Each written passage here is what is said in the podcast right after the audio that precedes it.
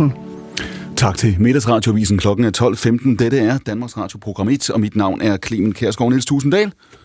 Hvad er den største forandring i dansk politik? Det er et år siden valget, snart et år siden, ikke snart, om lidt år siden vi fik en ny regering. Hvad er den største forandring? at øh, der er kommet sådan et øh, paradoks ind i dansk politik, så vi på den ene side har den mest øh, magtfulde regering, vi har haft i mange, mange år, bred regering med sit eget flertal, og samtidig så er det en regering, som øh, på mange måder er meget magtesløs. Den er ekstremt upopulær hos vælgerne, og den tør ikke rigtig bruge det flertal, den har på Christiansborg. Og den sag, vi skal snakke og tale om den her i time 1, sagen med Claus Hjort Frederiksen, Lars Finsen, to forskellige sager jo i virkeligheden. Kommer det til at præge dansk politik i de kommende måneder? Ja, det tror jeg, det gør. Øh, det kommer både til at præge forholdet mellem regeringen og oppositionen. Vi kommer til at se et stort slagsmål om, hvordan den undersøgelse skal se ud. Og så risikerer den altså også at øh, give nogle revner internt i regeringen, fordi det er øh, en øh, sag, hvor Venstre er meget, meget sårbare. De har meget behov for at vise, at de får ting igennem i regeringen. Socialdemokraterne har åbenlyst en anden interesse. Det diskuterer vi om lidt. Niels Tusinddal er politisk analytiker ved Jyllandsposten, tidligere blandt andet pressechef for Venstre og Liberal Alliance. Med os i studiet er medlem af Folketinget for Enhedslisten, Trine Pertu Mak, politisk redaktør på Altinget, Esben Schøring, chefredaktør på Mandag Morgen, Tanja Nyrup Madsen og journalist og kommentator Samuel Raklin. I team 2, der skal vi tale om blandt andet forfatternes oprør mod streamingtjenesterne. Det er jo altså weekenden, hvor der er bogforum herude på Amager, ikke så forfærdeligt langt fra, hvor vi står i dag. Lone Tejls, forfatter og også journalist, gør os selskab i time 2. Det samme gør Therese Moreau. Hun er journalist, hun ved alt om kunstig intelligens, og hun vil fortælle os alle sammen, hvorfor vi har taget fejl. Er det ikke rigtigt, Therese? Jo. Jo, siger Therese. Mit navn er Clemen Kærsgaard. Direkte frem til kl. 14. Det er program 1, og det er akkurat.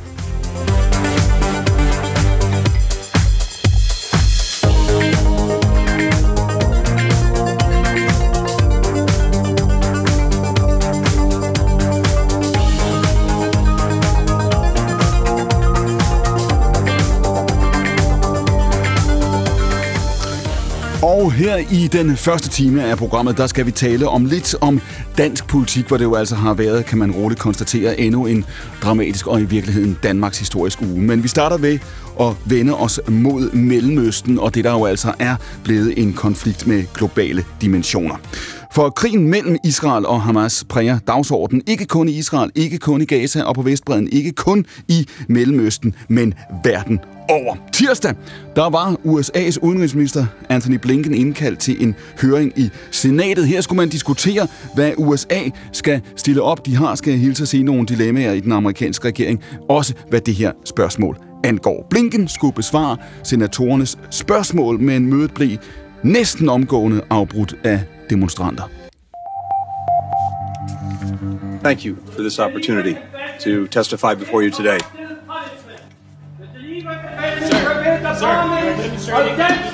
populated areas. Stop supporting Aldrig så snart havde udenrigsministeren her altså takket for muligheden for at tale med og for senatet, før han blev afbrudt af en demonstrant. Det I hører i baggrunden her er demonstranten, der råber og bliver fjernet. Så var der ro, men det varede ikke længe, så startede det forfra med en ny demonstrant og en ny og en ny. committee will suspend. And again, I, I appreciate that people feel passionately about these issues. I would ask that you respect our witnesses and our committee members and allow the American people to hear their testimony. Come on, I'm an Army colonel, I'm a former diplomat, I resigned on that war in Iraq that you talked about. That was a terrible thing, and what we're doing right now in supporting Israel's genocide of Gaza is a terrible thing too. Det vi hørte her til sidst var den tidligere oberst og tidligere diplomat Anne Wright. For 20 år siden, der sagde hun sit job op i det amerikanske udenrigsministerium, som hun også nåede at nævne her i protest mod Irakkrigen. Det, I kan høre i baggrunden, er lyden af demonstranterne, som altså råber overdøber, overdøver høringen. En række af dem blev arresteret. De tilhører i øvrigt den gruppe, der hedder Code Pink. Samuel Racklin, det vi har fulgt her i de sidste uger, er jo noget, som jeg sagde før, at det ikke kun Israel, Gaza, Vestbreden, det her præger. Vi ser i virkeligheden en form for global debat, der foregår på nogle nye vilkår. Starter et andet sted end de diskussioner, vi har set om Israel og palæstinenserne før. Hvad er der på spil? Det vi ser er en, øh, en gammel konflikt, en gammel tragedie, der har præget øh, Mellemøsten i hele mit liv, siden øh, staten Israel grundlæggelse i 1948. Mm. Men nu er vilkårene nogle helt andre. Øh, krigen, konflikten, der er brudt ud, er brudt ud på et tidspunkt, hvor vi er vid- har i næsten to år været vidner til en stor krig i vores nabolag, og er globale dimensioner med omridset til en uh, verdenskrig. Uh, det er det ene. Det andet er, at uh, der er sket en radikalisering uh, af offen- i offentligheden, takket være uh, den, teknologien, som og teknologien i sig selv betyder en, en uh, øh, en masse i forhold til, hvad det var for 25 år siden, mm. hvor det er blevet et redskab, en platform og et våben, der kan mobilisere på en anden måde, end det var tilfældet før. Og så øh, at øh, der er nogle stormagtsinteresser nu. På grund af krigen øh, i Ukraine har jeg, øh, der, øh, det skete den 7. oktober med overfaldet, Hamas' overfald på de israelske kibbutzer, havde jeg på et meget tidligt tidspunkt øh, en fornemmelse af, ja, men øh, spørger Putin og Rusland egentlig ikke i, i kulisserne? Har de ikke en klar interesse i at skabe øh, permanent ustabilitet, ikke kun i deres eget område, men rundt omkring i, i verden globalt, mm. og har de ikke mulighed for at trække i trådene via øh, de ayatollaher og mullaher, som de har omfavnet, og som i øvrigt forsyner dem med øh, droner og andre våben øh, i krigen mod, øh, mod øh, øh, Ukraine. Ukraine ja. Så derfor øh, ser jeg, at det er et helt andet spil. Plus, at der er nogen, som jeg fornemmer, der simpelthen via de teknologiske platforme, sådan som vi har set under den amerikanske mm. valgkamp, er i stand til at udnytte de her sociale medier til at mobilisere masserne på en måde, som vi aldrig har set før. Og spille på hvad? Klassisk antisemitisme. Ja, og når man kigger på, på skakbrættet nu, øh, Samuel Racklin, så kan man jo sige, at det er et skakbræk med, med, med brækker, men alle brækkerne, han har sagt, er kløvet i sig selv, fordi det var jo et dybt splittet Israel, der for snart en måned siden, der lige knap en måned siden, blev ramt af det her angreb. Korrekt. Det er Israel, hvor, hvor Netanyahu jo har øh, overlevet, kan man sige, igen med en, en ny regering, men med ekstrem øh, folkelig modstand, tilbagevendende demonstrationer, hele debatten omkring øh, den israelske forfatning, som har jo altså kløvet og øh, flækket Israel på, på nye måder. Man har et USA på den anden side, et år nu. Vi befinder os et år for præsidentvalget, det skal vi diskutere i, i, i, i Team 2, som også er, er, er flækket. Så man kan sige, det er et, et spil, der foregår på mange niveauer på en gang. Ikke? Det er korrekt. Øh, I min første kommentar, nogle dage efter overfaldet, øh, efter den 7. oktober, skrev jeg en lang kommentar til politikken, hvor jeg øh, øh, klart og entydigt øh, udnævnte Netanyahu som skurken som den ansvarlige, ham der havde udnyttet situationen til øh, at gribe, gribe gribe magten, mm. øh, sætte sig på magten ved at alliere sig med de der ekstreme religiøse øh, partier, øh, meget små partier, men der gav ham det parlamentariske øh, flertal, som han havde brug for.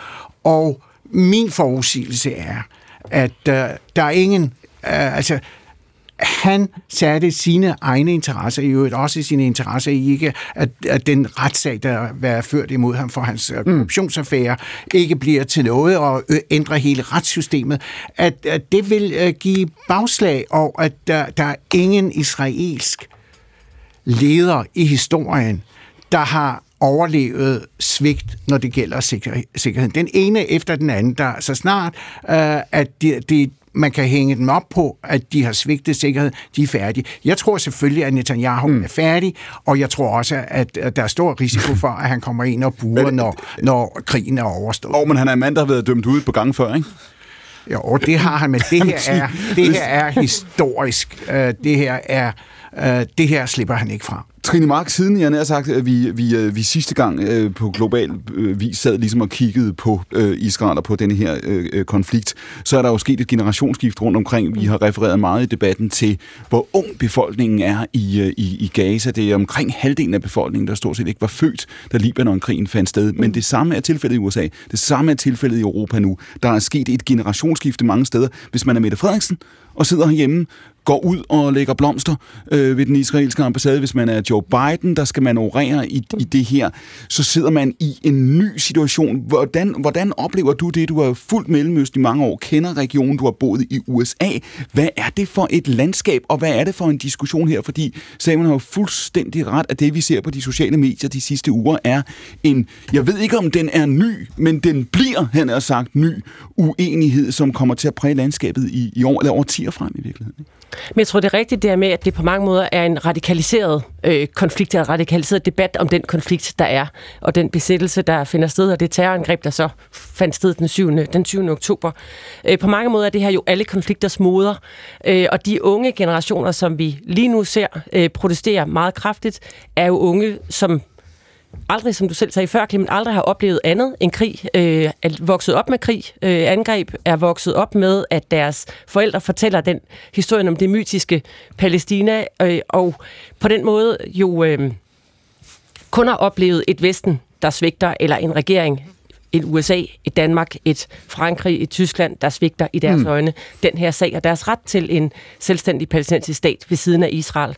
Så tror jeg, at den ene ting. Den anden ting er, at øh, hele den geopolitiske udvikling, som øh, Samuel også er inde på, er jo også med til at radikalisere noget af den her debat, og formen, som debatter tager, finder sted under, og også forståelsen af hinanden som modpart, altså Vesten kontra resten, er vi jo nærmest ude i på mange måder.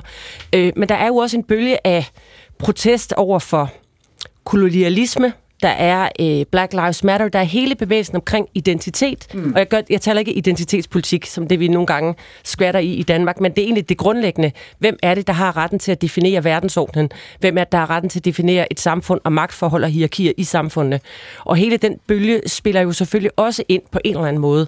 Øh, men altså grundlæggende skal vi holde fast ved i mine øjne, at det her det er en, øh, alle konflikters moder, det er en besættelse gennem årtier og følgerne af den øh, uløste situation. Hvis man sidder i det hvide hus, hvis man er Joe Biden her, hvis man er Mette Frederiksen, en ting er, og kan man sige, at forsøge at finde en anden vej frem, det er jo øh, amerikanerne, den her opgave lykkes hos, hvor, hvor man stadigvæk kan ringe til de arabiske hovedsteder og forvente, at telefonen bliver taget, kan man sige. Mm. Ikke? Det er også det, USA spiller for øh, nu, samtidig med, at man forsøger øh, af al magt at stå last og præst med, med, med, med Israel. Det, I forhold, til, i forhold til, til, til Mette Frederiksen, Trine Mark, hvad ser du der? Du siger før, at for, altså, øh, for jer i enhedslisten, jeres aktivister, de vælger, som I er i kontakt med, der oplever jo også blandt de unge, at der er noget på spil her. Hvad er det, der er på spil for dem? Jamen, der er jo også masser, vi ikke er i kontakt med. Der sker jo rigtig meget øh, på gaderne rundt omkring i Danmark, hvor, som ikke er udsprunget af eller føler sig del af nogle partipolitiske hvad kan man sige, grupperinger på nogen som helst måde. Mm. Det er unge mennesker, der gør det selv. Altså, det er unge mennesker med anden etnisk baggrund, som demonstrerer over for det, som de ser som, øh, som en, altså en brutal besættermagt, som øh, hele tiden får lov til at gøre det, den gør med Jespens op, Vestens opbakning. Jeg siger ikke, at jeg nødvendigvis er enig, men jeg siger bare, at det er i hvert fald det, vi, det man kan høre fra de unge, der er på gaden. Øh, det, det oplevelsen er jo, at man har svigtet fuldstændig systematisk den, hvad kan man sige, tostatsløsning, som er både konfliktens årsag, mangel på den er konfliktens årsag. Det er også der, vi skal søge konfliktens løsning i sidste ende. Esben Schøring, det var øh, 10 år i dansk politik og noget af den retning, hvor udlændingespørgsmål, integrationsspørgsmål, spørgsmål om religionens plads i den offentlige, i den offentlige sfære osv. dominerede dagsordenen, eller i hvert fald lå nær toppen af dagsordenen. Alle, der kan huske tilbage til 2001 hen over Mohammed-krisen osv., kan, kan huske, det var sådan, det var. Og så, han har sagt, forsvandt udlændingespørgsmålet, øh, ikke helt, han har sagt, fra den ene dag til den anden, men det mistede simpelthen så meget betydning, at vi har ledet i, i, i noget andet. Har det her en potentiale til at gå ind, han har sagt, og antænde en ny integrationsdebat? Er det det, vi ser nu, når Mette Frederiksen skal beslutte, hvad skal hun sige om Israel-Gaza? Hvor meget tænker hun også over, hvad tænker man blandt de øh, øh, udlændingsskeptiske vælgere i Danmark? Hvad tænker de etniske minoriteter i Danmark? Hvor meget, kan man sige, tænker hun indrigspolitikken med? Altså, det er en stor altså, det er jo en stor pointe, at der er en meget bred konsensus om, øh, om, om, den, om den udlændingepolitik, vi fører i, i Danmark, den føles øh, sådan meget afgjort, og det er derfor, at den er forsvundet. Og derfor så, så, så har jeg, ikke, jeg kan ikke se, at det her går ind og antænder det på ny. Jeg lægger også mærke til, at øh, ja, både Trines parti, Enhedslisten, men også SF sørger mm. for hele tiden at indløse indgangsbilletten til den her debat sige, at øh, øh Hamas' terrorhandling øh, øh, øh er en terrorhandling, at Hamas er en terrororganisation, og derefter går i gang med at, at, at argumentere for, for det videre politiske forløb også, og sige, at det er, ligesom, det er det, man siger først, før man støtter øh, palæstinensernes, øh, palæstinensernes sag. Så på den måde ser jeg ikke, at, at det her det har øh, ikke for indeværende i hvert fald, mul, øh, muligheden for, at det får en sådan en Christiansborg, øh, øh, hvad der hedder, del i sig, og hvor det bliver en del af magtkampen øh, i, i, i Danmark. Hvor meget, øh, Samuel, nu nævnte du antisemitismen før, hvor meget kan politikerne styre det her? Hvor meget kan de, han har sagt, den måde, de taler til hinanden på, den måde, de prøver at talsætte det på, holde, holde låget på gryden, Samuel, og hvor meget er det her noget, som vil blive drevet også af, hvordan folk omgås hinanden ude i samfundet, og, og, og hvem der står med hvem, fordi pointen er jo, det er præcis i de her uger, nu du knap knap en måned siden øh, Hamas angreb på, på Israel. Det, det værste terrorangreb mod staten Israel i landets historie. Historien bliver også lavet nu. Den måde, vi allierer os på, de lejre, man finder ind i, det er præcis i perioder som den her, at der bliver støbt holdninger, som kan lægge spor ud over tider frem. Men jeg tror, at politikerne har enorm svær, en enorm svær opgave, fordi de som altid er bagefter uh, udviklingen. De, kan ikke, de, har, de, har svært ved, uh, de har altid haft svært ved at være på forkant, men i den nuværende situation, mm. hvor tingene sker i virkeligheden i realtid, yeah. øh, for på skærmene over hele verden, øh, og øh, der er det utrolig svært at øh, komme ind og øh, være med, at være på forkant, som jeg sagde før, øh, med den her udvikling. Og øh, det har vi jo set under for eksempel de amerikanske, øh, den amerikanske valgkamp, hvor øh, der var indblanding udefra. Mm. Jamen altså systemet, det varede jo længe, inden man vågnede op til den nye virkelighed og forstod, hvordan russerne øh, blandede sig, øh, russiske troldfabrikker og troldfarme øh, blandede sig i den amerikanske øh, valgkamp og begyndte øh, at øh, tage modforholdsregler. I dag, øh, jeg tror, at øh, det er et af problemerne, at vi lever i en virkelighed, hvor alt sker i realt. Øh, mm. Al, al, alle får alt at vide nærmest i realtid. Det eneste, vi ikke så i realtid, det var uh, over det Hamas overgreb på de israelske kibbutzer. Det, det, der var ingen, der var vågen nok til det, uh, og allermindst israelerne. Men det er virkelighed. Det er den politiske virkelighed. Du sagde før, du regner med, at Netanyahu er en fattig mand. Ja. Ja, det holder jeg fast ved. Så længe han ikke er helt færdig, Samuel, men sidder, hvor han gør, så har han jo også et dilemma. Han har også befundet sig i et dilemma den sidste måned, der hedder, hvor hårdt skal han slå tilbage? Hvad risikerer han? Amerikanerne siger en ting til ham i offentligheden. Måske visker de ham noget andet i øret øh, øh, bag, bag kulisserne. Hvad, hvad er risikoen for, hvilken, hvilken overvejelse skal Netanyahu have om, om Israel på den anden side af det, der foregår nu? De militære aktioner, der foregår i Gaza. Hvor isoleret risikerer Israel at stå? Ikke bare fra dem, man ikke var venner med før, men også fra fra arabiske regeringer, som man var begyndt at tale med, og alle mulige andre kan... Altså, hvor mange venner kan Israel øh, undvære? Jamen, det er jo ikke udelukkende Netanyahus øh, dilemma. Det vil være en hver israelsk leders øh, dilemma, hvis de stod i den situation, og de vil reagere på, men jeg vil tro på samme måde i den her situation, fordi det her er krig. Og der kan en israelsk leder kun øh, have nogle ganske bestemte hensyn og øh, kriterier og handle på en måde, som øh, der, der vil ikke være stor forskel. Øh, I Netanyahus øh, tilfælde, Ja, han har, uh, hans claim to fame har været polarisering. Mm. Men det middel er opbrugt, fordi at han har spillet, han har leget med ilden og spillet, uh, spillet falit, og derfor uh, var han jo meget hurtigt til at danne en, øh, en, en koalitionsregering, en kriseregering, hvor han har taget oppositionsfolk med, som nu har, fordelt ansvaret for, hvordan man håndterer den her situation. Jeg tror, at Jamen, Israel står jo også over for en virkelighed, som de ikke har stået mm. før, hvor de har svært ved at håndtere hensynet til de allierede, hensynet til den offentlige opinion i verden, og alle de andre bolde, der er i luften mellem stormagterne. Ja, det er, vi har aldrig stået her før. Det er, og det er derfor, vi laver det her program. Det er, fordi det, jeg har sagt, det er, ikke, det er ikke alle emner, vi tager op, men hold op, hvor kan man sige den sætning på mange områder op. Vi vender os i time 2, skal vi tale om USA, øh, det globale magtspil op mod klokken, klokken, klokken 14, men bare ligesom en rampe til det, Trine. Det vi ser nu, det, og nu Samuel nævnte det før også i forhold til Ukraine-krigen, er det, at USA i præcis det her spørgsmål med Israel og Gaza, hvordan man håndterer det, hvordan man udtaler sig om de civile, hvordan man udtaler sig om de israelske militære aktioner, som foregår i de her dage og i de her uger. Det har også en kæmpe betydning for, hvor store dele af verden man skubber i retning af Kina, i retning af Rusland og i retning af et BRICS Plus, som nu taler mod USA, det man ser mod som imperialisme, det man ser som, som, som, som Vesten. Er det i virkeligheden også det spil, som det er blevet aktiveret? Altså, at den her konflikt skal man også tage i, i det lys, hvis man i Washington ønsker at have, han har sagt, det globale syds opmærksomhed, mm. at, at sikre sig, at telefonen bliver taget, så er man også nødt til at, at spekulere på, hvordan ser det her ud på tv-skærmene i Sydamerika, i Afrika, i Asien, verden rundt. Ja, helt sikkert. Hvis man er regeringer i øh, lande i det globale syd, så vil man øh, reagere på det på den måde. Men jeg tror, og måske begynde at kigge mere i retning af Rusland, ved jeg sgu ikke rigtigt, men Kina i hvert fald. Mm. Og, og hinanden ikke mindst. Øh, men jeg tror, det der er den helt store og det springende punkt her, er, at befolkningerne i det globale syd er ikke nødvendigvis glade for deres egne regeringer. De er heller ikke glade for den USA-dominerede orden, som i deres øjne konsekvent har betydet dobbeltstandarder over for, hvornår det er, man står på folkeretten og på menneskerettighedernes side, og hvornår man ikke gør. Så der tror jeg, der er et helt andet. Altså de oprør, der også kan komme rundt omkring i øh, globale syds lande mod egne regeringer, der hvor det er drevet af demokratiske kræfter eller rettighedskræfter, der spiller det her jo endnu en gang ind i en, øh, et Vesten, der ikke leverer på det, som man selv står og råber højt om, nemlig menneskerettighed og demokrati. I lytter, mine damer her, til Trine Patomak. Hun sidder ved bordet. Før var det Samuel Raklin.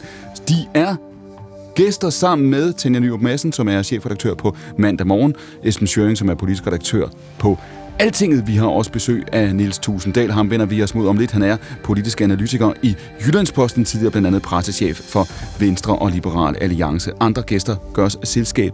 Undervejs, det er direkte frem til kl. 14 P1 søndagsavis. Den hedder Akkurat. Og det har været en dramatisk uge jo altså også i dansk politik. I tirsdags, der droppede anklagemyndigheden jo retssagerne mod Claus Hjort Frederiksen og Lars Finsen. PT, der befinder anklagemyndigheden sig jo i det, man næsten kunne kalde en offentlig diskussion med højesteret. Det er sørme også Danmarks historie i de her dage og i de her uger. Tirsdag aften, der lød det sådan her i TV-avisen fra de, fra de konservatives Maj Mercado.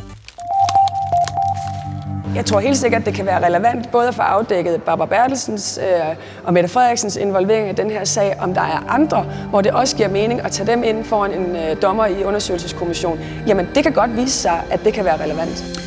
Maja Mercado siger her det samme, som vi jo altså hører fra en række af oppositionspartierne. Det er kun SF, der ikke er med i den front, der jo altså danner sig mod regeringen. Vi venter og på regeringens udspil, når der gælder den undersøgelse, som jo altså skal finde sted. I den samme tv-avis, der sendte min kollega Maja Mercados kritik videre til justitsministeren Peter Hummelgaard. Det lød sådan her.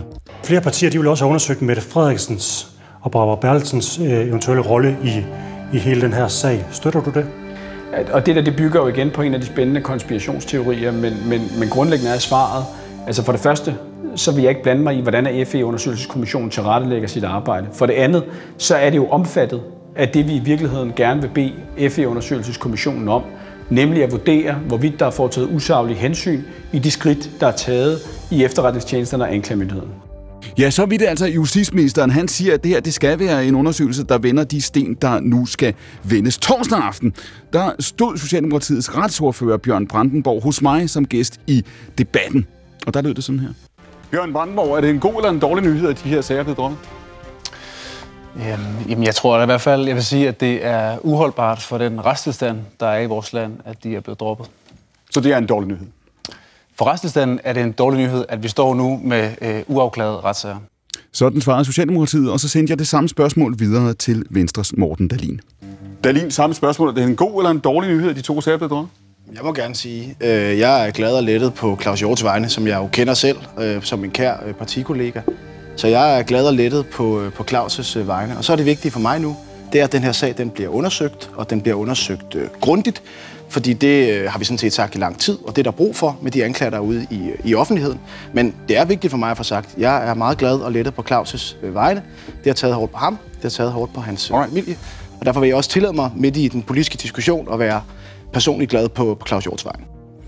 Ja, det var til at høre forskel på de to vurderinger her fra henholdsvis Socialdemokratiet og fra Venstre. Niels Tusinddal, du åbnede programmet her klokken kvart over 12 med at sige, at det her det har betydning for regeringen. Det får betydning for regeringen, ikke mindst for Venstre. Hvorfor?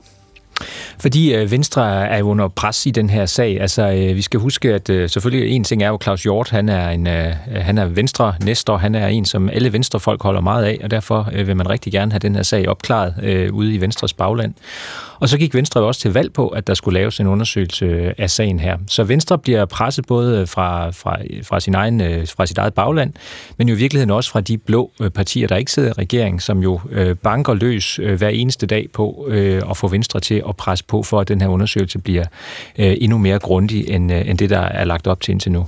Du har skrevet til os, at du ser kun nedslående konklusioner på det her forløb. Du siger, at øh, alle har tabt størst af øh, tabene er det for troværdigheden af institutionerne, og så siger du, at der er tre muligheder. Altså i dybest set kan den her undersøgelse også pege i, i tre retninger. Hvad er det for tre muligheder? Ja, ja, det er ikke fordi, jeg tror, at den undersøgelse egentlig kommer til at, at, at give noget endeligt svar. Øh, men det tragiske i sagen er jo, at, at uanset hvad der er sket, så er der, så er der sket et eller andet, der ikke må ske. Altså enten så er der sket det, at øh, vi har en tidligere forsvarsminister og en tidligere øh, spionchef, som har lægget øh, fortrolige oplysninger, øh, ellers så har der kørt en øh, fuldstændig øh, farseagtig øh, proces på grund af en overreaktion i Forsvarsministeriet for nogle år siden, da Trine Bremsen hjemsendte de her øh, fem FE-medarbejdere. Eller også øh, det, som øh, Hummelgaard kalder konspirationsteorier, men som alligevel er derude. Eller også så har der været en eller anden øh, øh, politisk proces, altså et, øh, et politisk ønske om at rejse en sag mod en ledende øh, politiker fra oppositionen. Alle de tre, øh, ingen, ingen af os aner jo, øh, hvad, for en, hvad for noget af det, der er rigtigt. Men, øh, men hvis bare en af dem er rigtig, det er jo også slemt nok. Det er derfor, jeg synes, det, det hele er så utroligt deprimerende. Ja, og som Anne-Sophie Aller har sagt, så vil sige, det ene udelukker ikke det andet. Nej, nej, overhovedet ikke. Overhovedet ikke. Du, du stillet, alle tre kan også være rigtige. Du har stillet op. Esben Schøring, nu lyttede vi her til, til Bjørn Brandenborg og, og Dalin. Det er ugen, hvor det her har fundet sted, så lad os lige prøve igen at fastholde, altså, at det er ekstremt dramatisk. Ikke? Altså, højesteret melder ud, som højesteret melder ud. I det øh, er der allerede øh, drama, og så anklagemyndigheden, han er sagt, skyder tilbage mm. øh, og siger, at det var godt nok øh, beklageligt, og dybest set betyder højesterets øh, afgørelse her, at vi er i fuld gang med at, at pulverisere øh, Danmarks sikkerhed. Det i sig selv er også øh, øh Danmarks historie. Hvad er muligheden for, Esben Schøring? Hvad er øh, SVM's chancer for at gå ind og, og, og lægge det her dødt? Og sige, nu taler vi om noget andet, nu sætter vi en anden dagsorden, og så må de, de blå partier, så må dem i Folketinget, der ønsker at sætte det her på dagsorden, Liberal Alliance øh, har været langt fremme på det, vi hørte mig Mercado før, så må de prøve at, at skabe en, en, en storm, men så holder vi SVM sammen kvæg øh, Nielses analyse. Kan SVM lægge det her dødt? Jeg ved ikke, om det kan lægge det dødt. Altså, lige nu er, er slagsmålet om, hvorvidt det skal en grænsningskommission, altså om det er noget, Folketinget skal bestemme kommissoriet over, altså hvad det er, den her kommission skal lave, og hvor mm. åbent det i påkommende tilfælde skal være. Øh, og som Nils rigtigt øh, siger, så er, er det svage led her, det er, det er Venstre. Kan de, kan de holde til at sige, Øh, nej, det her det, det foregår, øh, øh hvad det hedder, øh, bag lukkede døre, det er ikke grænsningskommissioner, det er, det, og det er sådan, det bliver, men vi lover, at det bliver øh, grundigt. Øh, det, det, det, altså det, det vil jo tiden jo, jo vise, og så ser vi jo meget frem til den øh, spørgetime, der skal være på tirsdag med Mette Frederiksen i Folketinget, hvor hun for første gang øh, jo bliver, går jeg ud fra, øh, massivt konfronteret med øh, øh, hendes egen rolle, hvad hun har vidst, hvad hun har sagt. Øh, og de svar, hun kommer med der, kommer også til at have stor betydning for, hvad Venstre, øh, i hvor høj grad Venstre kan forsvare sig mod øh, angrebet, især fra, fra, den, fra den blå side. Og det er jo klart, at øh, vi passerer i denne her weekend også, øh, hvad hedder treårsdagen for øh, det pressemøde på Mink, som i gang satte hele, det, det, det, ja. øh, hele, hele Mink-sagen, og, og hvor Mette Frederiksen sidste gang øh, var i, i, øh, i, i en kommission ikke på et forvaltningsspørgsmål om, hvad hun havde gjort og sagt øh, i, i den forbindelse. Og det er jo sammenkædning af de to ting. Det har Liberal Alliance brugt weekenden på de sociale medier på at, at, at understrege forbindelsen mellem de to ting. Og, øh, og, og, og hvis det kommer op at køre, så skal man altså huske på, at det betyder, hvis man kan lave den sammenkædning, så kan, kan FE-sagen få det folkelige træk, som FE-sagen ikke har. Altså det skal vi huske på. Det er ikke mink, der er ikke nogen øh, klare ofre her øh, i, i, mm. i, i bred forstand ude i befolkningen. Men hvis, hvis, det, hvis man kan få genantændt den der energi, så får Venstre det utrolig svært ved bare at sige, nej, nej, vi ordner det bag øh, lukkede døre, men vi lover, at det bliver grundigt. Og det er jo det spøgelse, der går gennem Folketingssalen her. Det er de tusinder af, af døde mink, præcis som du siger, Niels Susendal. Det her var jo i virkeligheden også indtil for ganske få dage siden Jakob Ellemann Jensens problem, hvis nogen kunne huske ham. Det var den holdning, den linje, som Venstre fulgte helt op til Folketingsvalget for præcis et år siden, i forhold til Mette Frederiksen, i forhold til Mink-sagen som et udtryk for magtfuldkommenhed. Og nu er det spørgsmålet, hvad gør Venstre? Hvad kommer Troels Lund Poulsen flaskehalsen peger på ham, til at, at, at stille op, fordi man kan vel ikke både arbejde sammen med arbejdet for en, en statsminister, og samtidig øh, gå og, og, kan man sige, glæde sig til en undersøgelseskommission, eller, eller følge den med alle tegn på, på, på interesse. Hvad er det for en balancegang? Jamen, det er da selvfølgelig, det er da selvfølgelig svært, øh, og jeg tror også, at øh, Venstre kommer ikke til at kunne acceptere for eksempel en grænsningskommission, øh, som har sit udgangspunkt i Folketinget. Jeg tror, at Venstre bliver nødt til at acceptere, at den her undersøgelse den kommer til at hænge i Justitsministeriet. Mm. Jeg tror også, at Venstre kommer til at acceptere, at det er en lukket, bliver en, en lukket undersøgelse, og det er simpelthen, fordi de sidder i, i regeringen sammen med Socialdemokraterne Socialdemokraterne. Altså, Jacob Ellemann sagde jo øh, meget øh, berømt, da han gik i regering med Mette Frederiksen, man kan jo, øh, jeg har nu tillid til hende, fordi man kan jo ikke gå i regering sammen, hvis man ikke har tillid til hinanden. Nej. Det var en lidt sjov måde at slutte på, men øh, det var altså det, han sagde, og den må jo på en eller anden måde stadigvæk stå der. De kan jo ikke sidde i den regering, hvis de samtidig tror, at Mette Frederiksen er øh, politisk øh, ophavsmand til en af de største øh, juridiske skandaler i nyere tid. Og lad os lige prøve at holde fast i det, fordi det var jo ikke sådan, at, at Troels Poulsen og Stefanie Lose stod øh, vanvittigt stærkt for ganske få dage siden, før det her øh, skete. Øh, Venstre er, er nede på et, et niveau i meningsmålingerne, som jeg tror, nogen, man, altså de man, første vil have set. Ikke? Man kan sige, øh, det er et meget, meget, meget stort held for Venstre, at det her det kommer lige efter, at de har skiftet formand. Fordi jeg tør slet ikke tænke på, hvor frygteligt det havde været for dem, hvis det stadigvæk var Jakob Ellemann. Troels Lund har den ene øh, fordel, i hvert fald øh, sikkert flere, men i hvert fald den ene store fordel i forhold til, til Ellemann, at hans bagland som udgangspunkt har større tillid til ham. Og det vil sige, når han går ud og siger, jeg tror på, at den her undersøgelse bliver grundig, jeg tror på, at den her undersøgelse også kan øh, komme til at omfatte Mette Frederiksen, hvis øh, kommissionen vil det, øh, så vil de som udgangspunkt tænke, ja, men jeg tror måske også, Troels Lund, han virkelig har slået hårdt i bordet i de forhandlinger. Jeg tror faktisk, han har fået noget igennem. Havde Ellemann sagt det samme, mm. så tror jeg ikke, de ville have troet øh, på ham over en dørtaskel. Tanja? Jeg må ikke sige, jeg, jeg tror, der er nogle principper på spil her, som politikerne gør klogt i, i hvert fald at have ved med deres overvejelser, når de vælger, hvilken vej de går med den øh, kommission. Og det handler jo om tillid til vores retssystem og til vores demokrati, fordi de spørgsmål, som du lige stillede før, øh, Niels, og som jeg er meget enig i, hænger i luften. Øh, de har jo godt af at hænge i luften i et demokrati. Altså har vi et retssystem, som kan misbruges til at forfølge politiske modstandere? Øh, øh, har vi et retssystem, hvor vi var lige ved at sætte en mand øh, for retten, uden at han måtte kende sit eget øh, øh, det anklageskrift, han kunne blive dømt for, det, det er jo kafkask. Så jeg synes, at der er jo nogle ting her, der trænger til at blive luftet ud og ryddet op.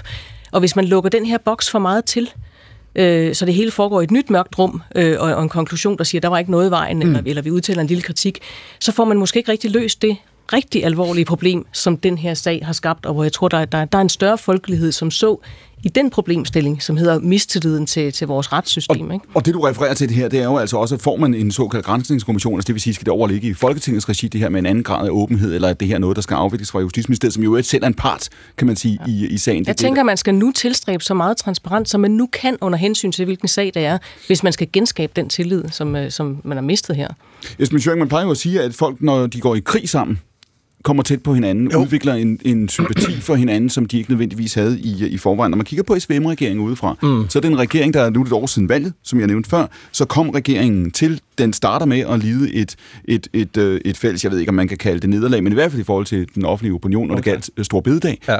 Øh, det var øh, øh, meget dramatisk forløb, ikke? som mm. regeringen øh, starter med. Så har man set nu, altså Jacob Ellemanns øh, sygeforløb, hans, hans øh, sygemelding.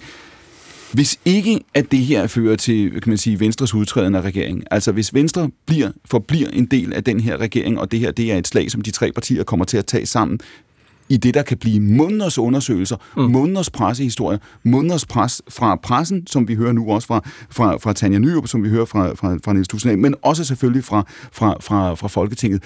Risikerer det, jævnfør Tanjas pointe før, risikerer det i virkeligheden, kan man sige, at sende S og V og M tættere og tættere og tættere og tættere på hinanden. Ja, altså, hvad det, man kan i hvert fald sige, at, øh, at kærlighedserklæringerne mellem Socialdemokratiet og Venstre har været, øh, det har næsten været for meget, det har næsten været for meget flødeskum, synes jeg, øh, hvad det hedder, når man har talt med dem internt. Men de er jo meget glade for at arbejde sammen, og de er glade for hinandens professionalisme, og det her med, at når vi er dem, der, der, der, når der kommer store problematiske sager uden gode løsninger, så står vi sammen, og alt det der. Ikke? Og Trulsund Poulsen bandt sig jo øh, til masten af det der regeringssamarbejde, da, da Troelsen Poulsen øh, trådte af. Øh, jeg har helt... Ellemann. Øh, Ellemann. Ja, Ellemann. Ja, ja, undskyld. Øh, og altså... Troels Lund ikke trådt af endnu, kan man sige. Skal til først, ikke? Men, men, men, men, men der var jo et problem i forvejen med, at, øh, at Venstre gik ind i den der øh, regering, og det her, det, for mig cementerer det bare det problem. Det problem, de har med hinanden, ikke? det er, at de ligesom annullerer hinandens fortælling hver gang. Ikke? Altså, når så kommer der nogle skattelettelser, så skal man til at have forklaret det på en socialdemokratisk måde. Venstre kan ikke gå ud og shine på det, som de gerne ville. Og når, når Socialdemokratiet gennemfører en dramatisk øh, uddannelsesreform i Danmark, som, som øh, er højideologisk og placeret hos nogle af de mest ideologisk tænkende socialdemokrater, øh, så, så bliver det hele pakket ind i videnssamfundet og alt sådan noget. Og det, det, det, det, på den måde så har de jo gjort, at, at det kan godt være, at de kan, de kan tage, det er jo ikke ret mange, øh, hvad der hedder, store beslutninger, mm. men de går ligesom ind hele tiden ligesom og lægger, lægger hånden for munden af hinanden, og det er enormt øh, problematisk for dem, fordi øh, det, det er jo derfor, at, at, øh, at meningsmålingerne styrer til jorden for og, og dermed siger du også, det er jo ikke ret mange uger siden, at de var på, på turné sammen, ja. øh, landet rundt de tre partier. Ja. Det var mens øh, Jacob Ellemann stadigvæk var øh, en af de, ja. øh, de, de, de tre musketerer her deres mulighed for, nu siger du før, vi har til gode at se om denne her øh, FE-sag, om de her spørgsmål får et folkeligt bundtræk, ikke? Jo. det er det, du siger. Det er ikke Mink-sagen endnu. Det er i virkeligheden det, som, som øh, oppositionen i Folketinget skal forsøge at, at få det til at blive, ikke? hvis man nu skal se det på det, på det, på det, taktiske, på det taktiske niveau. Det, du har sagt nu, det er jo også, du siger, regeringens mulighed for at gå ud og lave en fælles fortælling, hvor vi taler om noget andet, hvor vi taler om, hvor god den er, hvor handekraftig den er, mm. den er svag. Ja, den har været svag uh, længe, ikke? At man kommer ud Øh, med den der krisefortælling i januar, øh, arbejdsløshed, øh, recession, det var der så lige pludselig ikke øh, noget af. De var lovligt underskyldt, fordi der var en masse økonomer, der også havde forventet, at det ville gå sådan. Det skete så ikke. Og så har man så prøvet at genstarte øh, det samme projekt, nemlig arbejdsudbudsprojektet. Altså, der skal laves en masse arbejdsudbudsreformer, og øh, den måde Socialdemokratiet har valgt at takle det på, det var at skrue op for det her med arbejdsmoralen, og, og der kan vi jo se på, på, på, på tallene inde på altinget, at, at øh, Mette Frederiksens popularitet er, er styrtdykket på den baggrund. Ikke? Det er der ikke nogen, gider at høre på. Uh, så det her det er jo en, en, en, en teknokratisk regering, som har enormt svært ved at oversætte det, den gør til, til noget, til noget uh, politik, der kan vinde legitimitet i befolkningen. Trine Mark, nu talte vi før om, om Israel, og vi talte mm. om, om USA, og det her det er et program, hvor vi har lov til at, at lægge et større perspektiv. Hvis man tager et par skridt tilbage og ser på dansk politik de sidste 3-4 år, øh, Inger Støjberg-sagen, øh, slagsmålet omkring coronahåndtering, som stadigvæk kører øh, i, øh, i alle mulige hjørner. Mink-sagen nu, som i virkeligheden kommer gående som genfærd tusinder af døde mink ikke? Øh, ud af skab, hvor vi troede, at, øh, at øh, der var låst, og nøglen var, var smidt væk. Der er nogen, der vil sige, der er ved at ske det samme nu, som er sket i USA. Der er ved at ske det samme, som vi har set i England, i Israel og andre steder, nemlig at politik udvikler sig til at være en række af skandaler, hvor man holder med nogen, mod nogen, og vi sidder og følger det en lille bitte smule som en, en, en, en sportskamp. Er der en risiko for, uanset hvilken substans, uanset hvilke retssikkerhedspolitiske øh, perspektiver, der er på spil, er der en risiko for, at vælgere vil se på det her og sige, hvad laver I? Miste tilliden til politik, miste interessen for politik og sige, det her, det, det har intet at gøre med de problemer, vi ser, det har intet at gøre med den verden, vi lever i. Ja, det tror jeg, der er. Og jeg tror i virkeligheden, mindre, og det, jeg ved ikke, Tanja, om øh, jeg håber, du har ret i, at det kan blive en folkesag, at de demokratiske institutioner ikke bliver passet bedre på af dem, der faktisk har magten til det. Øhm, for det er jo virkelig det, der skal drive det. Det er jo det, der skal være vores hvad kan man sige, befolkningskrav på politikerne. Det er, at uanset hvor man står og hvad man mener og hvilke sager der er, så er det med at forsvare og styrke de demokratiske institutioner fuldstændig afgørende. Og der tror jeg lidt, jeg savner, øh, ikke bare i dansk, men globalt, øh, global politik, at der er politikere, som har magt til også at kunne, øh, kunne agere på det selv forsvare de demokratiske institutioner for de demokratiske institutioners skyld. Øhm, og der tror jeg, du har ret i, at der er noget, der ligesom er faresignaler også i dansk politik, som de er internationalt. Øhm, der er jo en eller anden populisme, bølge, øh, som har forskellige farver, men som jo også bare grundlæggende taler om mistillid til politikere. Kan de overhovedet finde ud af at håndtere den magt? Og kan de overhovedet svare på vores spørgsmål? Og kan de svare på de udfordringer, vi har? Mm. Øh, og der, der er jo bare nogle dynamikker, som løber enormt stærkt, fordi sociale medier driver nogle af de debatter langt væk fra, hvor det politiske rum findes. Det er et paradoks her, Esben Schøring, ikke? fordi på den ene side kan man sige, at der er fundamentale retssikkerhedspolitiske principper på spil her, ikke? Mm. Som, som mange mennesker også oplever som altså fundamentale i deres liv. Mm. Samtidig igen tager man to skridt tilbage og ser på det udefra, så er der nogen, der vil spørge, er det her en form for dødedans mellem, øh, på, mellem regeringen, opposition, presse på den ene side, hvor du siger før, hvis der ikke er det folkelige træk her, hvad så? Jamen, jamen det, det, det folket trækker super interessant, fordi øh, øh, folket har også forladt øh, partierne for længe, for længe siden. Mm. Altså, vi er ikke medlemmer af politiske partier mere. Vi er også holdt op med at, at, at læse de gamle øh, medier, se det gamle fjernsyn. Så alle de der, ah. øh, de der institutioner lider af, af, af, en, af, en, af, en, eller anden form for, for, for flugt, altså at folk de søger helt øh, andre, andre steder hen. Og, og det har selvfølgelig også gjort, at, at, øh, at, øh, at partierne mangler i dag jo øh, det, vi oprindeligt forstod ved, at øh, altså, de var medlemsbaserede. Mm. Det var nogle NGO'er, der ligesom på en eller anden måde mødtes på tinge og sådan noget. Og det har vi ikke, ikke, ikke længere. Vi er i en, øh, vi er en, på den måde er vi i en særlig øh, situation, hvor, hvor jeg ikke bare øh, øh, synes, at man kan sige, at nu skal vi have skabt nogle politikere, der kan... Altså, det, det, demokratiet befinder sig jo i, i, i hvert fald i en, en eller anden form for krisefase, hvor, hvor folket ikke er med øh, på samme måde, men der, som du siger, er tilskuer. Lad os lige prøve her de sidste minutter af den her time, øh, Niels Tusinddal, at svinge tilbage til Venstre, som du nævnte før. Du siger, det er Venstre, der har en ganske særlig udfordring her. Vi hørte jo altså Dalin øh, klippet fra øh, torsdagens debatten, hvor han står og siger, at han er glad på Claus Hjorts mm. øh, øh, vegne her. Prøv lige at tage os ind i Venstre en gang til, fordi hvis ikke Venstre er i den her øh, regering, så er der ikke nogen regering, så er der ikke noget SVM-flertal, så er der ikke noget, øh, øh noget, noget projekt. H- hvad er det for en, en vej, Venstre har foran sig nu? Jamen, den bliver jo den bliver meget svær, altså, fordi at, uh, Esben har fuldstændig ret i det her med, at Venstre har, har bundet sig til masten og har bundet sig til både Mette Frederiksen og til Lars Lykke og sagt, at vi, vi, vi, vi står evigt sammen. Mm. Men uh, vi ved jo også, at uh, på Titanic uh, kan det godt være, at uh, man står sammen lige indtil det sidste øjeblik, men på et eller andet tidspunkt, så er det også uh, hver mand uh, for sig selv. Og det punkt kommer Venstre jo måske også til, hvis det her formandskifte ikke betyder en eller anden øh, afgørende vending for dem, som jeg tror bliver, som jeg tror bliver svær.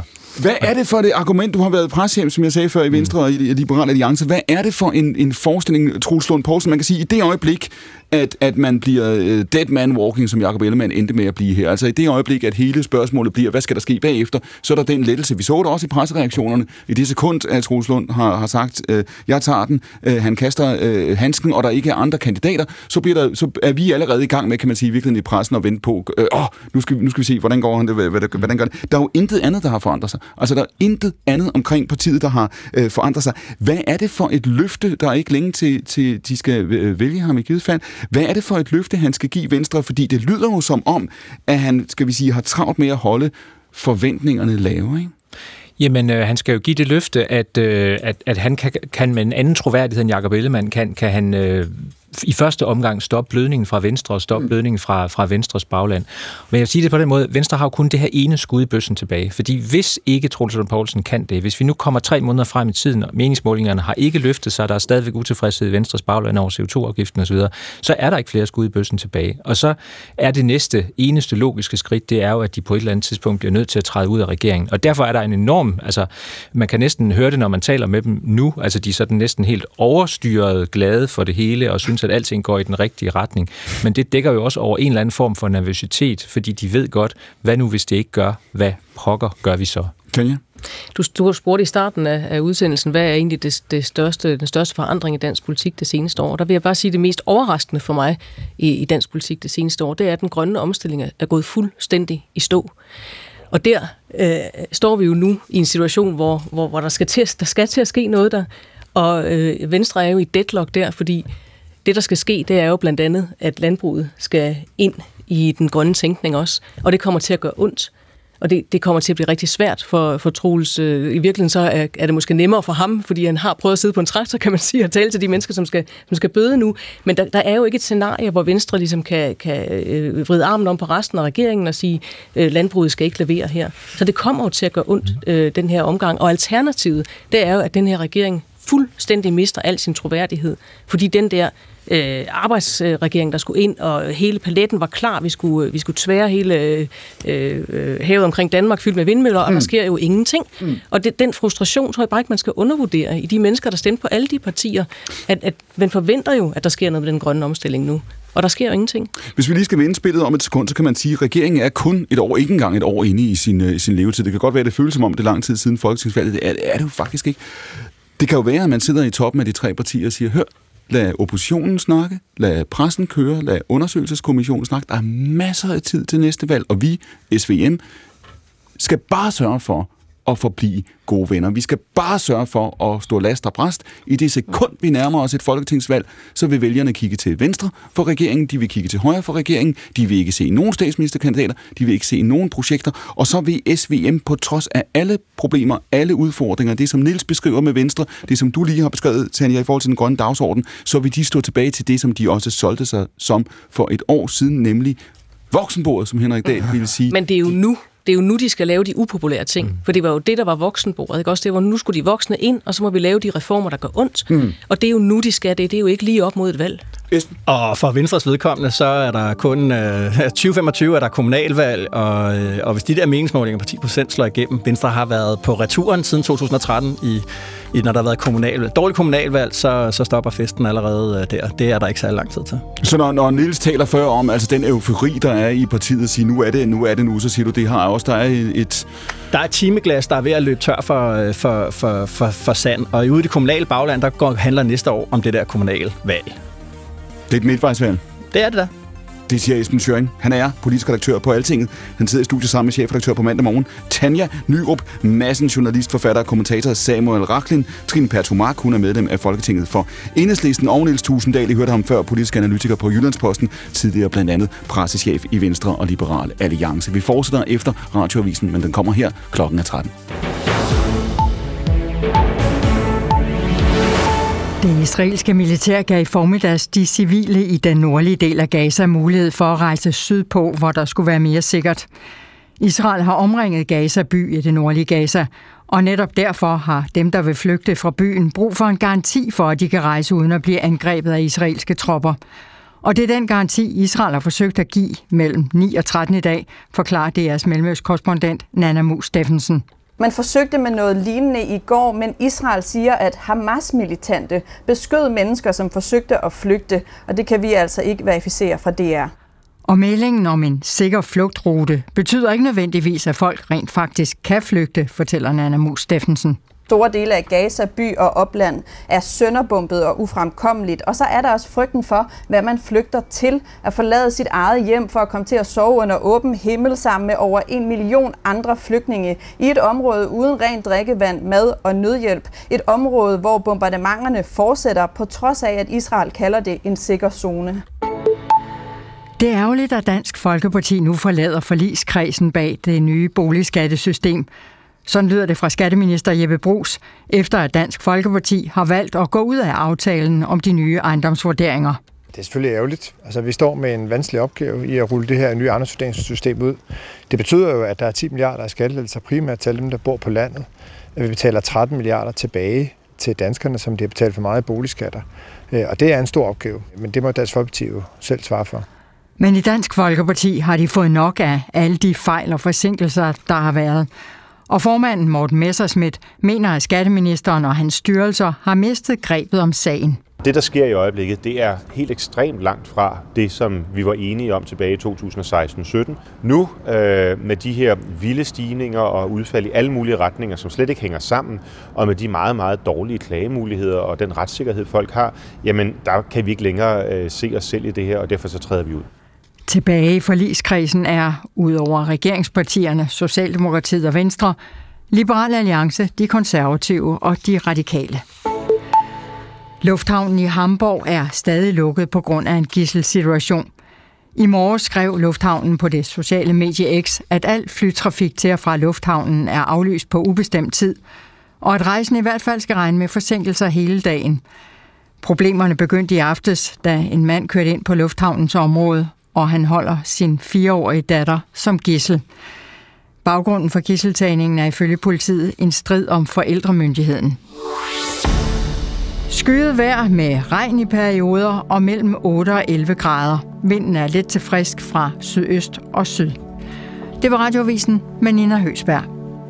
Tak til Radioavisen. Og på en dag som den her, så er der kun én ting at gøre, det er at blive indenfor hvor man nu sidder og lytter til Danmarks Radio Program 1. Vi åbner nu den anden time af ugens Akkurat direkte fra Nyhedshuset frem til klokken 14. Tanja Nyrup Madsen, chefredaktør på mandag morgen. Hvordan går det i mediebranchen, Tanja? Hvordan har I det? Det kommer lidt an på, hvor man kigger hen jo, men hvis du kigger hen over landskabet øh, i mediebranchen, så er det ikke noget kønt syn lige nu, og det er det jo ikke, fordi vi er presset både på annoncer, og så er vi presset på hele den forretningsmodel, vi har, fordi der er nogle øh, tech-giganter, som i virkeligheden øh, får nogle af de penge, vi plejede at, at, at leve af. Og man kan sige, at den, den korte historie her, det gælder de små medier, det gælder de store medier, det gælder de øh, virkelig lødige, alvorlige medier, og dem, der ikke er det, det er jo dybest set, at lige nu, der bliver alle mareridtene til virkelighed, ikke? Mm, det gør de, og der, og der er jo ikke andet at gøre, end at vi må tage, tage øh, magten tilbage over, over vores egne øh, brugere. Vi må bygge på den troværdighed, som er den eneste værdi, vi har, og den bliver kun mere værd i de her år, vil jeg jo sige. Og så, øh, så vil jeg sige til lytterne, der lytter med her, at I skal så til, hvis I gider have nogle medier, der er troværdige, så må I øh, til at holde nogle gode øh, nyhedsbreve fra folk, der faktisk øh, får løn for at lave dem, og, øh, og til at lytte lidt øh, radio på B1 og købe en, øh, et abonnement på mandag Også morgen. det er på vegne af, den, det er på vegne af de samlede talende klasser, øh, øh, Tanja, her. Du siger, at hvis, øh, vi har, du siger, at det bedste, vi har, det er vores troværdighed, ikke? Det er det da. Altså, Ja, så- det, det er så- det eneste, vi har at leve af. Så. Ja, så tænker jeg, at det står, står skidt til. Det diskuterer vi nu. Tanja står din regning. Madsen. Ja, det er, alt står for min regning. Chefredaktør på mandag morgen. Hun er i studiet ved siden af Samuel Raklin, journalist, forfatter, kommentator, manden, der øh, åbnede TV2. Det er korrekt. I oktober 1988. Kan du virkelig huske det? Ja. Jamen altså, TV2 har jo klaret sig, hvis vi taler om mediebilledet, ja. de har jo klaret sig over øh, alle forventninger, selv slags Jamen, så tag, så tag du æren for det. Man skal tage Altså, æren for... Hvad er det? det? Det ligger mig fjernt, men altså, jeg var der med til at... Kan du huske den at sætte- aften, Samuel, da du sidder og at siger- sætte ja. det i, øh, i søen, og det var der stort, og det var... Øh, nerve-wracking øh, den, den aften der, hvor vi gik i luften der. Den I oktober 88, og Ja. det var jo en isyl inde i hjertet på Danmarks Radio, fordi I sendte hvornår? Jamen altså, vi, det var jo en fejl. Altså, nyhederne blev lagt der direkte over for uh, TV-avisen klokken halv otte. Det var katastrofalt. Og vi var 40 minutter lange. Et helt grønt hold, der jeg aldrig havde det... lavet tv før, de fleste af dem. Uh, og uh, det, var, det var katastrofalt, men det varede altså et par måneder.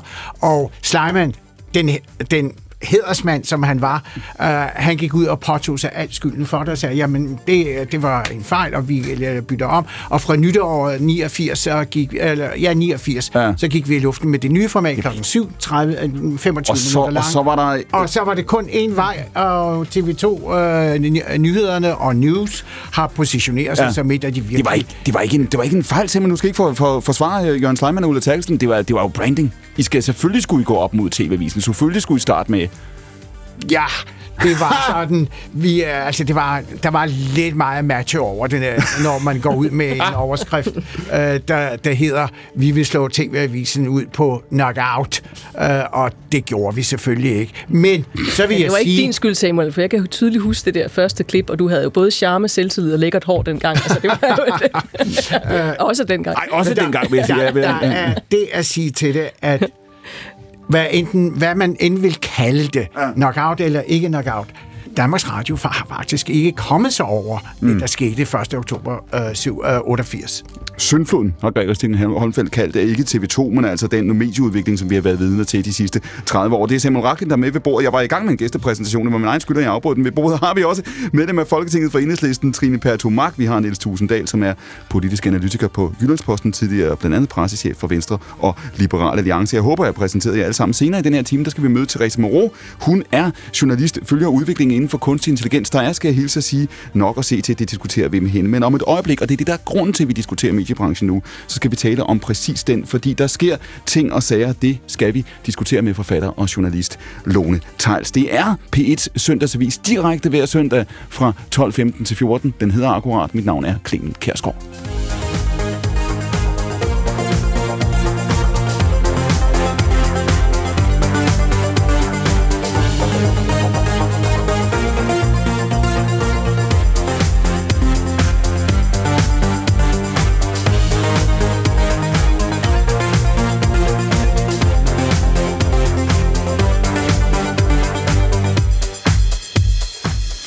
Jeg deler det her med en vis ambivalens, for jeg er selvfølgelig stolt af den bog, jeg har skrevet, ser ud til at slå alle rekorder, og at den bliver så vel modtaget hos jer lyttere.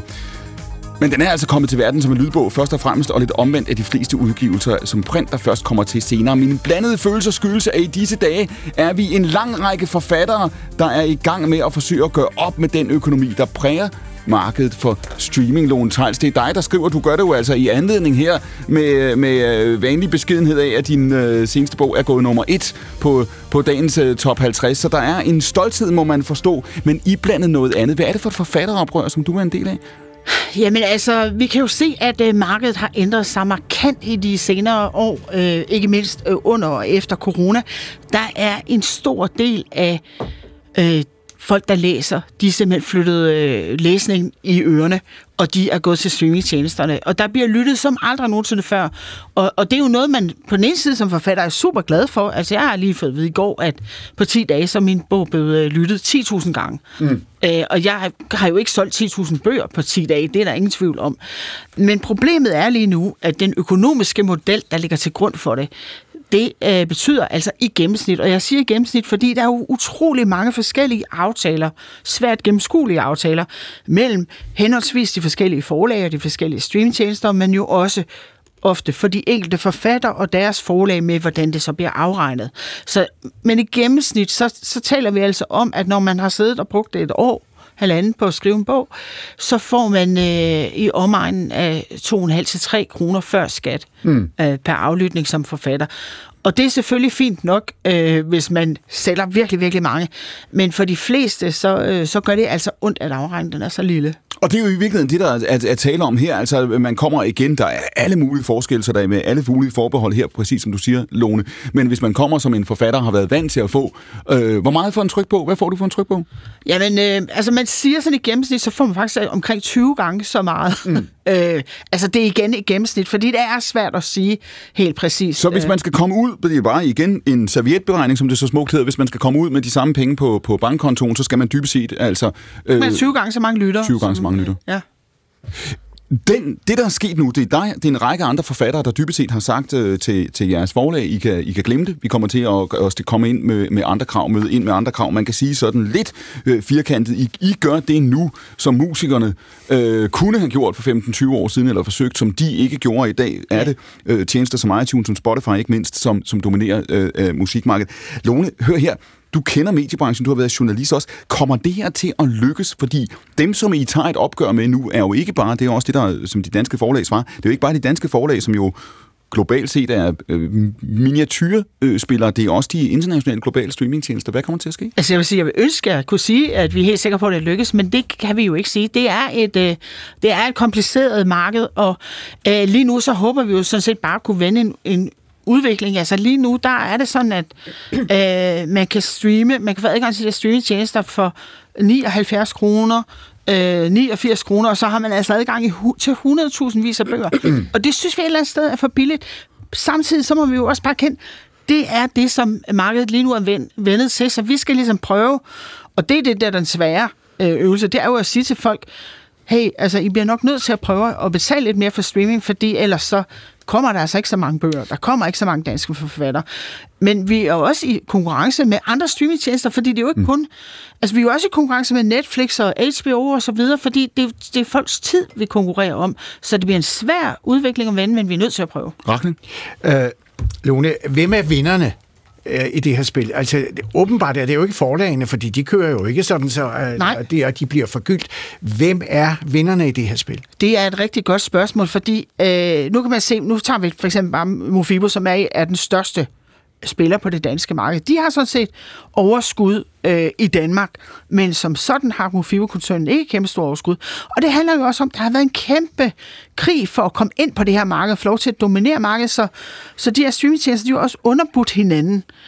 Og det er så billigt nu, at der er næsten ikke nogen, der tjener penge på det, fordi det er for billigt, simpelthen. Og det er jo det, vi prøver at adressere.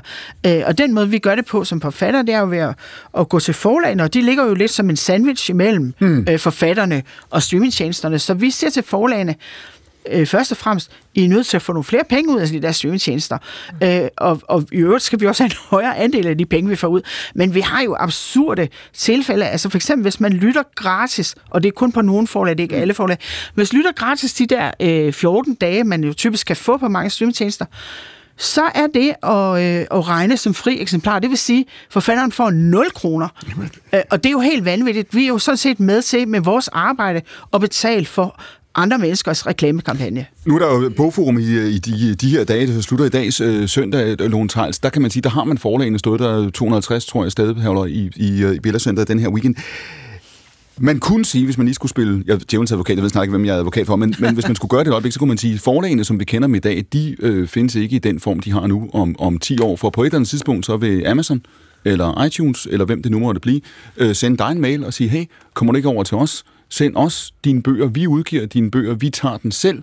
Og så kan du få i dag, øh, eller den dag, kan du få, hvad dit forlag tager hjem nu. Altså kan man forestille sig, at vi kommer til at leve i en virkelighed, hvor, hvor de danske aktører, små forlag, store forlag, dybest set forsvinder. Så er der dig tilbage som en indholdsleverandør. Du har dine læsere, og så er der en tech-gigant igennem. Altså, de tankeeksperiment er ikke helt forkert på den måde, at vi allerede jo nu har set, at Spotify siger, de vil til at udgive lydbøger, og det er der mm. noget, der får utrolig mange forfattere til at ryste i bukserne, fordi mm. Hvis det går den vej, som det er gået med musikken, mm. øh, så må man sige, at vi har et problem, fordi vi kan altså ikke tage ud til øh, at holde turné og, og sælge merchandise på den måde, som man dog trods alt kan som et større band.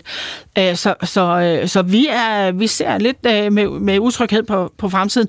Samtidig så skal man altså også bare huske, at bøger og litteratur, det er jo ikke køleskabe, vel? Altså, det betyder også noget, og man har et øh, personligt forhold til sit øh, øh, forlag, man har et forhold til, sit, øh, til sin redaktør.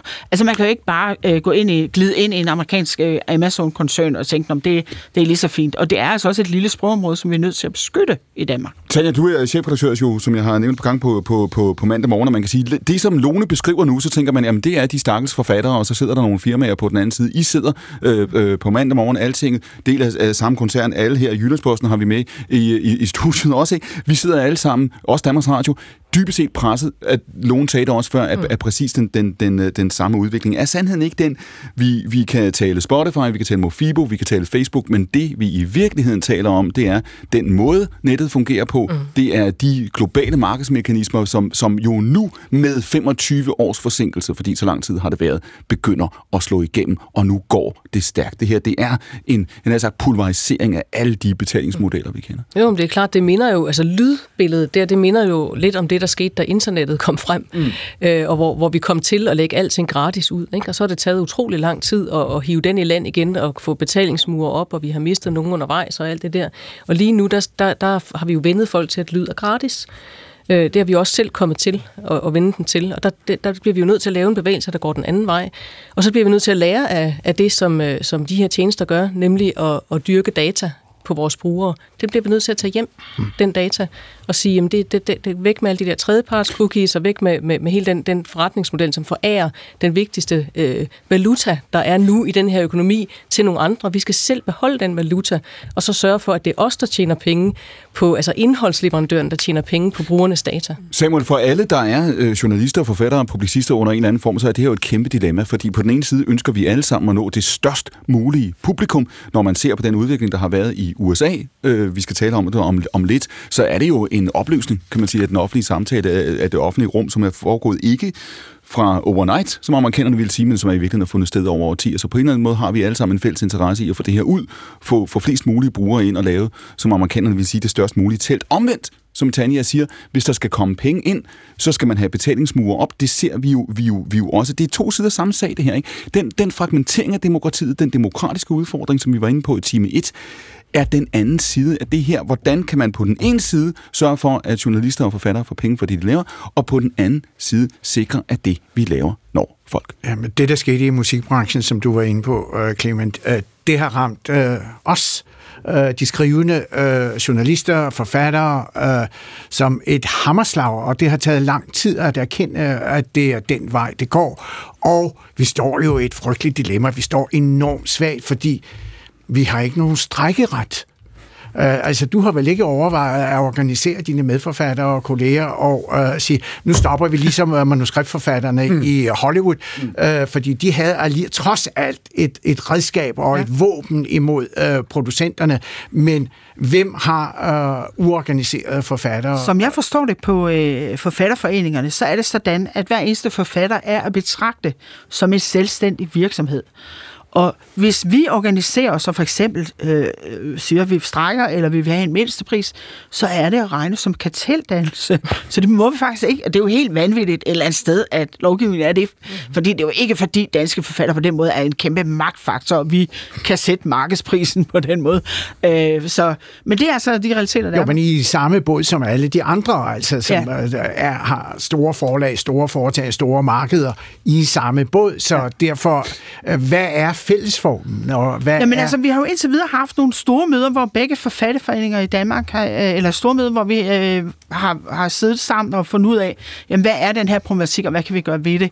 Øh, og en af de ting, vi er blevet enige om, det er, at vi sådan i samlet trop, hver især på vores forlag, går til vores forlag og siger, den her situation er uholdbar, hvordan kan vi løse det? Ja, men altså det, jeg ser, som uh, fremtiden tegner sig mm. uh, med, uh, med uh, artificial intelligence, med kunstig intelligens, mm. uh, at uh, det bliver endnu sværere.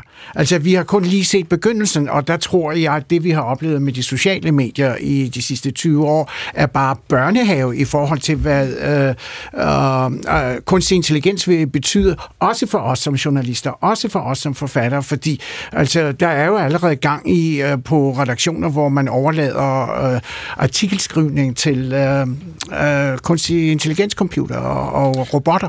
Og jeg er faktisk en forfatter, hvis værk er blevet stjålet og brugt til øh, AI-genoptræning. Øh, og det kan jeg ikke gøre noget ved personligt. Nej, men det er, den virkelighed er der, og altså, det, det er frygtelige perspektiver, der rejser sig, og jeg, jeg kender ikke svaret på det, det gør jeg ikke. Jeg kan ikke engang forstå, hvordan podcast-industrien, som øh, vrimler som svampe over det hele, hvordan altså. de kan få det til at hænge sammen, hvad businessmodellen det er, men de ser ud til at blomstre på en eller anden måde, eller skyde op som svampe. Som Øh, Esben Schøring, du er politisk redaktør på et medie, som jo i virkeligheden på papiret startede som et, et niche-medie, kan man, mm. kan man sige. Det er jo på mange måder ikke længere. Alting har enormt mange læsere. Mm. Øh, også folk, som er, er langt væk fra, øh, fra, fra Slottsholm og en del af en, en, en større offentlighed.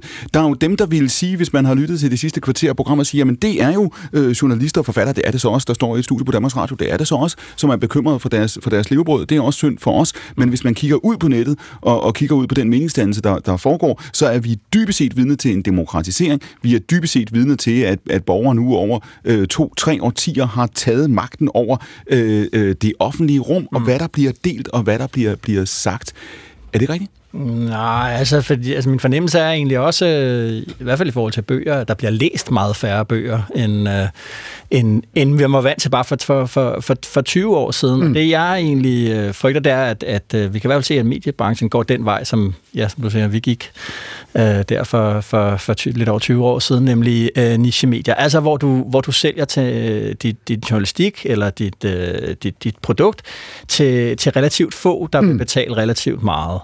Og, og det, jeg frygter egentlig lidt sådan, i det der helt store, det er, at, at vi holder op med at være en læsende kultur, fordi det, der drives på, på sociale medier, det er billeder, øh, det er film, øh, det er reels, det er YouTube Shorts, øh, og, øh, og det, altså, hvis vi holder op med at være en læsende et, et, en læsende civilisation, altså vende tilbage til sådan en form for middelalder ting, mm. hvor, hvor det er en elite, der har, kan læse, og som arbejder med, med godt forarbejdet information, og der er billeder i, øh, i, i, korte, i korte stykker til, til, til masserne, ja, så har vi en, en, en mærkelig, sådan en mærkelig refeudalisering af, af, af vores samfund. Niels Tusind, jeg godt lige sparke den over dig. Du har siddet som pressechef på, på Christiansborg. Mm. Når man i dag sidder i den stol, når man i dag sidder på vegne af, af, af partierne og siger, hvordan sætter vi dagsordner, hvem henvender vi os til at kigge ud på mediebilledet?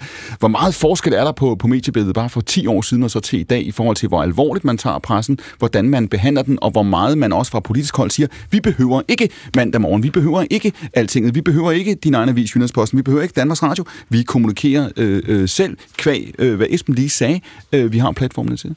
Jamen, der er der sket en stor forandring, og jeg tror der ikke er nogen tvivl om, at når man ligesom, øh, hvis, man, hvis man siger, hvad skal vi gøre med den her historie, så mm. det første sted, man går hen, det er, det er jo ikke nødvendigvis de traditionelle medier. Så, mm. er, det jo, så er det jo sociale medier, man, man, man starter den ud på. Sociale medier bliver også brugt meget mere aktivt i forhold også til at, at opildne folk i forhold til at have øh, bestemte synspunkter osv. Og det er jo sådan set en udvikling, der var allerede, da jeg startede som pressechef for mm. 10 år siden, der var der jo ældre politikere i de partier, jeg arbejdede i, som sagde, det er meget vigtigt for mig at komme i middagsradioavisen. Mm. Og der måtte jeg gå opmærksom på, at det var ikke specielt vigtigt at komme i middagsradiovisen på daværende tidspunkt øh, for at kunne sætte en dagsorden. Fordi allerede på det tidspunkt, der var, øh, hvad skal man sige, øh, dø, øh, nyhedsdøgnet, det var allerede begyndt at blive flydende, og det er jo kun blevet endnu vildere siden da. Rockne? Ja, en lille lysstråle i alt det her mørke. Jeg, jeg synes, det hører med i billedet, at der er jo en lille platform øh, i Danmark, nemlig hele foredragsmarkedet, hvor man kan gå ud og kompensere for det, der ikke kommer ind øh, via alt det der streaming. Der er, altså, der er jo et levende og vitalt og aktivt øh, foredragsmarked, som jeg har oplevet her den sidste måned, og har været ude i det, som man mm, ofte vil kalde øh, udkants øh, Danmark. Det er det ikke. Jeg var i Hundelev, der ligger nord for Lykken. Øh, der kom 250 mennesker, der betalte jeg tror, 150 kroner for at komme ind og lytte øh, til mig i, i to timer. Og det er ikke kun der, det er over hele landet. Og det synes jeg er virkelig opmuntrende, at øh, den nye teknologi ikke har udraderet den danske øh, foredragskultur. Og apropos den nye teknologi, det skal vi diskutere nu. Therese Moroga og selskab her ved bordet om et øh, lille øjeblik. De sidste år har vi talt meget om kunstig intelligens. Det gør vi også nu. Og så i sidste del af programmet, når vi læner os op mod klokken 14, så vender vi os tilbage til USA, der jo altså befinder sig faktisk præcis et år fra et præsidentvalg, som bliver historisk. Alting er historisk i øjeblikket. Med os i studiet, som I hørte før, Simon Raklin, journalist og forfatter, Tanja Nyrup Madsen, chefredaktør på Mandag Morgen. Vi har Esben Schøring, politisk redaktør på Altinget, Trine Patomak, medlem af Folketinget for Enhedslisten, Nils Tusinddal, kommentator, tidligere pressechef, Lone Tejls, forfatter og journalist, er stadigvæk med os, og så jo altså Therese Moreau. Nu har vi jo hørt, og det er også ofte i virkeligheden, Therese, det her program, du var vores gæst i, øh, i foråret, da denne her diskussion var på vej frem. Folk, der aldrig havde hørt om kunstig intelligens for et år siden, kender det nu. Vi har set det manifestere sig, og så siger du, der er meget af det, vi går og tror, måske håber på, måske frygter, der ikke nødvendigvis er helt rigtigt. Hvor tager vi fejl? Åh her, øh, det er et godt spørgsmål. Altså, hvor skal vi starte? Skal vi starte ved økonomien, eller arbejdsmarkedet, eller sådan formåen, eller hvor... hvor øh, Lad os tage den sidste først, det der med, hvad kunstig intelligens kan. Okay, hvad kunstig intelligens kan, eller nok, nok nærmere, hvad det ikke kan. Ja, lad os tage det. Tror jeg lige, vi skal, vi skal skynde os at sige. Øh, Først og fremmest så er der jo meget snak omkring det her med, jamen altså kunstig intelligens kommer til at udvikle en, øh, en bevidsthed, kommer det til at være øh, sådan selvstændigt og kunne handle autonomt. Øh, der, der må jeg simpelthen bare lige starte med at, at mane til besindighed og sige, ro på, vi har absolut intet i forskningen stadigvæk, som peger på, at det nogensinde kommer til at ske. Jeg mangler stadigvæk at se de, øh, de seriøse forskere, som ikke har hæftige økonomiske interesser i det her, komme ud og rent faktisk fremlægge en eller anden form for... Altså, jeg behøver ikke engang evidens efterhånden. Jeg skal bare have en eller anden form for indikation på, at det her det kan gå hen og blive bevidst, fordi det har vi altså ikke rigtig fået. Du åbner et tema der, du siger, at forskere, som ikke har økonomiske interesser i det her, det vi jo har set også det sidste år, det er, at de firmaer, som udvikler kunstig intelligens, eller siger, mm-hmm. at de kan gøre det og bidrage til det her, de går, går, går frem, ikke? deres aktiekurser stiger. Prøv lige at tage os lidt ind i det, Therese, du arbejder med det her til daglig. Øh, hvor meget af den diskussion, vi ser nu, og de løfter og trusler, der bliver udstukket, kommer fra folk, der tjener penge på det? Jamen, det gør rigtig, rigtig meget af det, hvis ikke altså stort set det hele. Øhm, det er jo i meget høj grad faktisk tech-giganterne selv, altså måske bedst eksemplificeret ved, øh, ved OpenAI, som har lavet ChatGPT. Øh, det er jo meget høj grad dem, som går ud og siger, altså, det her, det kan komme til at blive bevidst. Mm. Det her, det kan komme til at udrydde hele menneskeheden. Og så har vi Richie Sunak, så har vi Joe Biden, så har vi alle de store verdensledere, som bagefter går ud og siger, hov, nu må vi hellere til at komme i gang med at regulere det, fordi uh, hvad nu hvis det kommer til rent faktisk at få en bevidsthed og udrydde hele menneskeheden. Men så er det jo så også der, hvor så er vi inde og tale omkring et eller andet totalt altså et hypotetisk scenarie, som ligger hvis det nogensinde kommer til at ske mange, mange hundrede år ude i fremtiden, i stedet for at tale om de reelle problemer, vi faktisk har med teknologien på nuværende tidspunkt, fordi den er altså stort set ikke reguleret stort set ikke reguleret. Så lad os lige gribe fat i det her, fordi det, grunden til, nu nævner du selv ChatGPT, grunden til, at vi, vi har beskæftiget os med det her i offentligheden, som vi har det sidste år, det er jo det her med, at nu har alle siddet og prøvet at skrive festsange med, med ChatGPT. Pludselig har man fornemmelsen af, mange mennesker har i hvert fald en oplevelse af, øh, Therese, at der på en eller anden måde er noget i den anden ende. Den ja. tekst, jeg får tilbage nu, kan ikke bare være øh, autogenereret øh, Gud i himlen, ikke? Altså, der, man, man har fornemmelsen af, at man på en eller anden måde fører en dialog med noget, som har en, en grad af bevidsthed. Hvorfor er det forkert? Jamen, altså, det, der, der, er jo ikke, der er jo ikke noget i øh, i den kunstige intelligens, som reelt er intelligent. Men det her med, at vi, vi tillægger det en form for en form for liv, en form for bevidsthed. Altså, det, prøv, prøv lige at høre, det, det, det er altså noget, vi har gjort i 60 år. Mm. Og vi har rent faktisk forsket i vores tendens til som mennesker at lægge liv i det her, eller sådan, mm. øh, ja, lægge, lægge noget større i det. I, Altså det, du, det, du siger der, hvis jeg står og siger til min kaffemaskine, kom nu! Det er jo det samme. Ja. Det er jo grundlæggende set det samme. Altså, der er, ikke, der er ikke mere bevis for, at din mikrobølgeovn eller din kaffemaskine lige pludselig kan udvikle en bevidsthed. Heller ikke min er brødrester. For... Nej, Men den kan aflytte dig. Ja. ja, så lad os, lad, os, lad os høre her, når man, når man sidder, Tanja, hvor du sidder øh, på mandag morgen, I beskæftiger jer øh, meget med det her, ikke? Øh, og har også, øh, hvad er det, I bruger kunstig intelligens til? Fordi I har jo øh, bragt det i spil, ikke? Altså, vi har brugt, og der vil jeg så sige, øh, det, det er jo en, øh, en, en visuel sådan, generator af billeder, vi bruger, som øh, har analyseret en hel masse billeder i, fra internettet, så har den øh, fundet ud af, hvordan plejer pixels at ligge, hvis man, øh, hvis man laver noget, der hedder en bil. Og så kan den øh, sådan randomiseret sprøjte noget nyt ud, som også ligner en bil. Ikke? Og det bruger vi øh, til at generere nogle sindssygt flotte øh, forsider, når vi selv skal sige det, i samarbejde med mennesker, og jo også med vores øh, dygtige grafikere. I samarbejde malere. med mennesker? Ja, det er et samarbejde mellem den her maskine og mennesker. Og det er jo ikke, altså jeg, jeg tænker jo ikke, det er ikke en intelligens. Det er en, øh, en maskine, en motor, vi kan sætte i gang, og som øh, vi kan prompte til at lave noget smukt. Hvor meget sidder du nu, siger Therese her, altså is på i virkeligheden, ikke? Lad os lige prøve at tage- sætte over i din, i din chefstol, Tanja. Hvor meget sidder du, når du sidder og planlægger mandag morgen og siger, kan, hvilke researcher, hvilke journalister, hvilke illustratorer, hvilke layouter og hvilke programmører kan jeg erstatte med, med AI? Hvad tænker du? Jeg tænker at øh, anderledes. Altså jeg tænker, hvordan kan jeg lave mandag morgen bedre ved hjælp af de her redskaber? Fuldstændig som i den tid, jeg har været journalist, der er jeg også begyndt at researche på en anden måde, fordi vi har fået et internet øh, og nogle mobiltelefoner. Og øh, det, det er et redskab, og det er et redskab, som skal gøre journalistikken bedre. Det er ikke et redskab, som kan udkomme med journalistik. Altså overhovedet ikke. Men, men det, er jo, det er jo et super fedt redskab til at ikke så meget researche, men måske til at, at spare med, ligesom hvis det var en god kollega. Og der er nogle processer, der kan gå hurtigere øh, med, med de her øh, redskaber. Therese? Øh, Tanja har i virkeligheden en enormt central pointe her. Altså, den her teknologi her, den kommer også til stille og roligt over tid at forandre den måde, som vi arbejder på. Men der er altså ikke der er ikke tale om, at lige pludselig så er der bare en massakre på arbejdsmarkedet, så bliver vi alle sammen bare fyret. Ligesom med internettet, skal jeg lige sige, så kommer det nok til stille og roligt at ændre den måde, vi arbejder på, og også ændre de forskellige typer af, af jobs og jobsfunktioner, som der er. Øhm, så det, det giver rigtig, rigtig god Men mening. jeg synes, det. hvis jeg bare lige skal bidrage til det bekymrede kor alligevel også, ikke? Ja. så synes jeg, der er... Altså, jeg, det jeg frygter øh, i første runde, der kan ske også, det er, at vi får en syndflod af, af kunstigt skabt indhold, mm. som, er, som ingen troværdighed har, og som uh, måske har nogle intentioner bag, som ingen af os kan regne ud. Mm. Og det kan faktisk være, være ligne så meget øh, rigtigt indhold, så det kan være ret svært at, at, at navigere i. Altså var det her billede af den her video, fandt det faktisk sted? Øh, den her tekst, kommer den fra et rigtigt medie, eller hvad er det? Hvem lavede egentlig den her post? Var det en robot eller et rigtigt?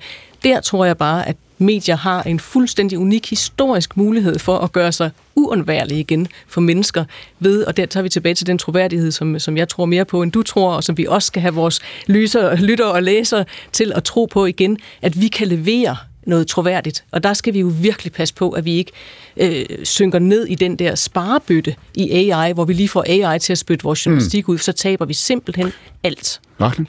Øh, jeg vil bare høre, hvordan Tanja og Therese har det med, at vi har set og hørt, at nogen af øh, AI's fædre, blandt andet en af fædrene på Google, der har været med til at udvikle kunstig intelligens, har sagt, har sagt fra og åbent erklæret, at han er bange for de konsekvenser, det vil få, og at han ikke længere vil stå inde for og vil være med til at arbejde videre af det spor, og fordi der ikke er et lydrum for ham, fordi der er ikke nogen, der har lyttet til ham. Uh, hvordan har I det med det? Uh-huh. Øh, altså, der, der skal jeg jo skynde mig at sige, at nogle af fædrene er, er ligesom det, det er det centrale her. Vi har jo også en anden af, af kunstig intelligens, øh, såkaldte fædre. Øh, der vil jeg så lige sige, at det, det faktisk så startede det med en moder. Øh, men en anden af kunstig intelligens fædre, øh, Jan LeChong, som øh, arbejder i dag for Meta. Øh, og jeg har lige slagtet udtalen på hans navn, det er jeg meget ked af. Øh, han er jo ude at sige, ro på Mm. Altså, der er slet ikke noget omkring det her. Så der, der er jo grundlæggende også uenighed blandt de her folk, som vi siger ligesom er, er fædrene til den moderne form for, oh. øh, for kunstig intelligens. Men der er jo også grund til bekymring, hvis ikke vi tænker os om. Så, så på mm-hmm. den måde er de der opråb jo nyttige, fordi det er jo, det er jo et spørgsmål om, at der bare er mange, der er utrolig mange skridt herfra, og så til det, det der dystopiske scenarie. Og, og i alle disse trin har vi jo mulighed for som menneskehed at træffe de rigtige beslutninger. Ja. Så derfor er diskussionen men, god at have, men det er ikke det samme som, at vi, kan, at vi ikke ligesom kan undgå at der. Øh, Nej, det, det, det, skal vi det, der ligesom for, ikke skinner igennem her, det er, at øh, folk, som er de fædre, vi snakker om, er navngivende eller ej, de frygter det politiske misbrug af, af den teknologi. Og det er der vel øh, næsten ikke nogen grænser for. Oh. Nogle, hvad... nogle Tejls, du har været journalist, du, du har været korrespondent, du er forfatter osv. Ja. Du har vant til, vi er vant til, mange af os ved det her bord, at arbejde med øh, udtryk. Vi udtrykker os på en måde, som vi håber er troværdig, original og opmærksomhedsfangende og, og, og så videre. Har, har du siddet det sidste år og kigget på ChatGPT og kigget på de her ting, der skal tænke hvor? Jeg brugte det faktisk til en rejse til Berlin. Den gav fuldstændig forfærdelige, urigtige oplysninger.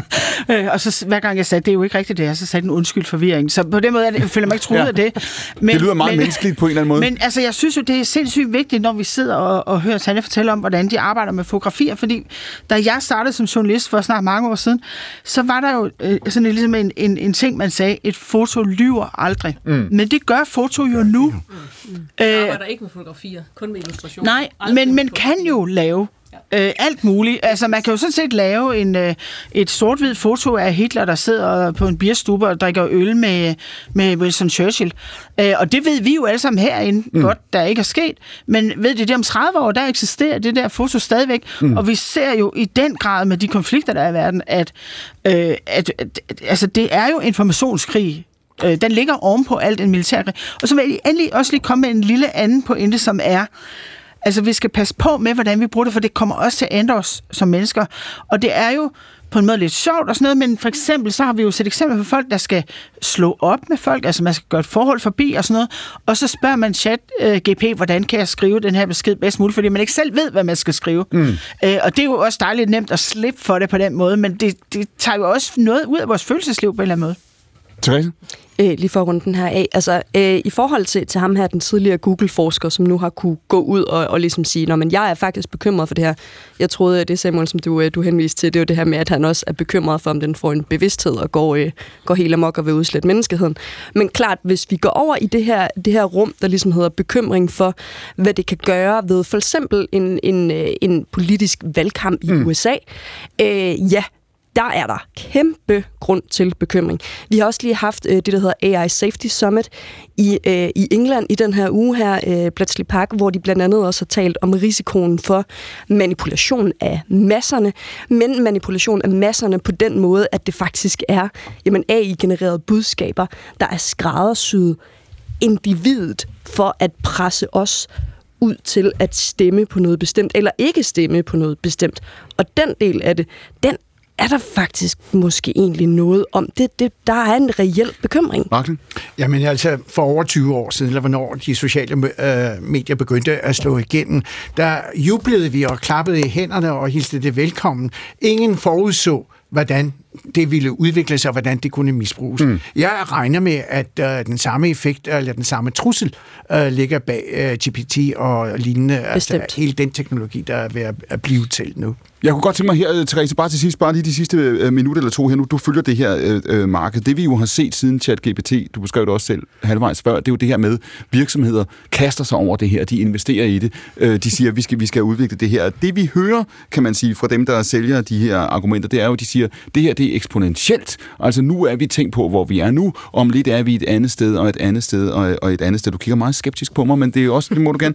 Øh, hvor meget er der i det? Altså de investeringer, som er blevet lavet, det som vi har set komme på markedet efter øh, ChatGPT, er der, kan de holde deres løfter?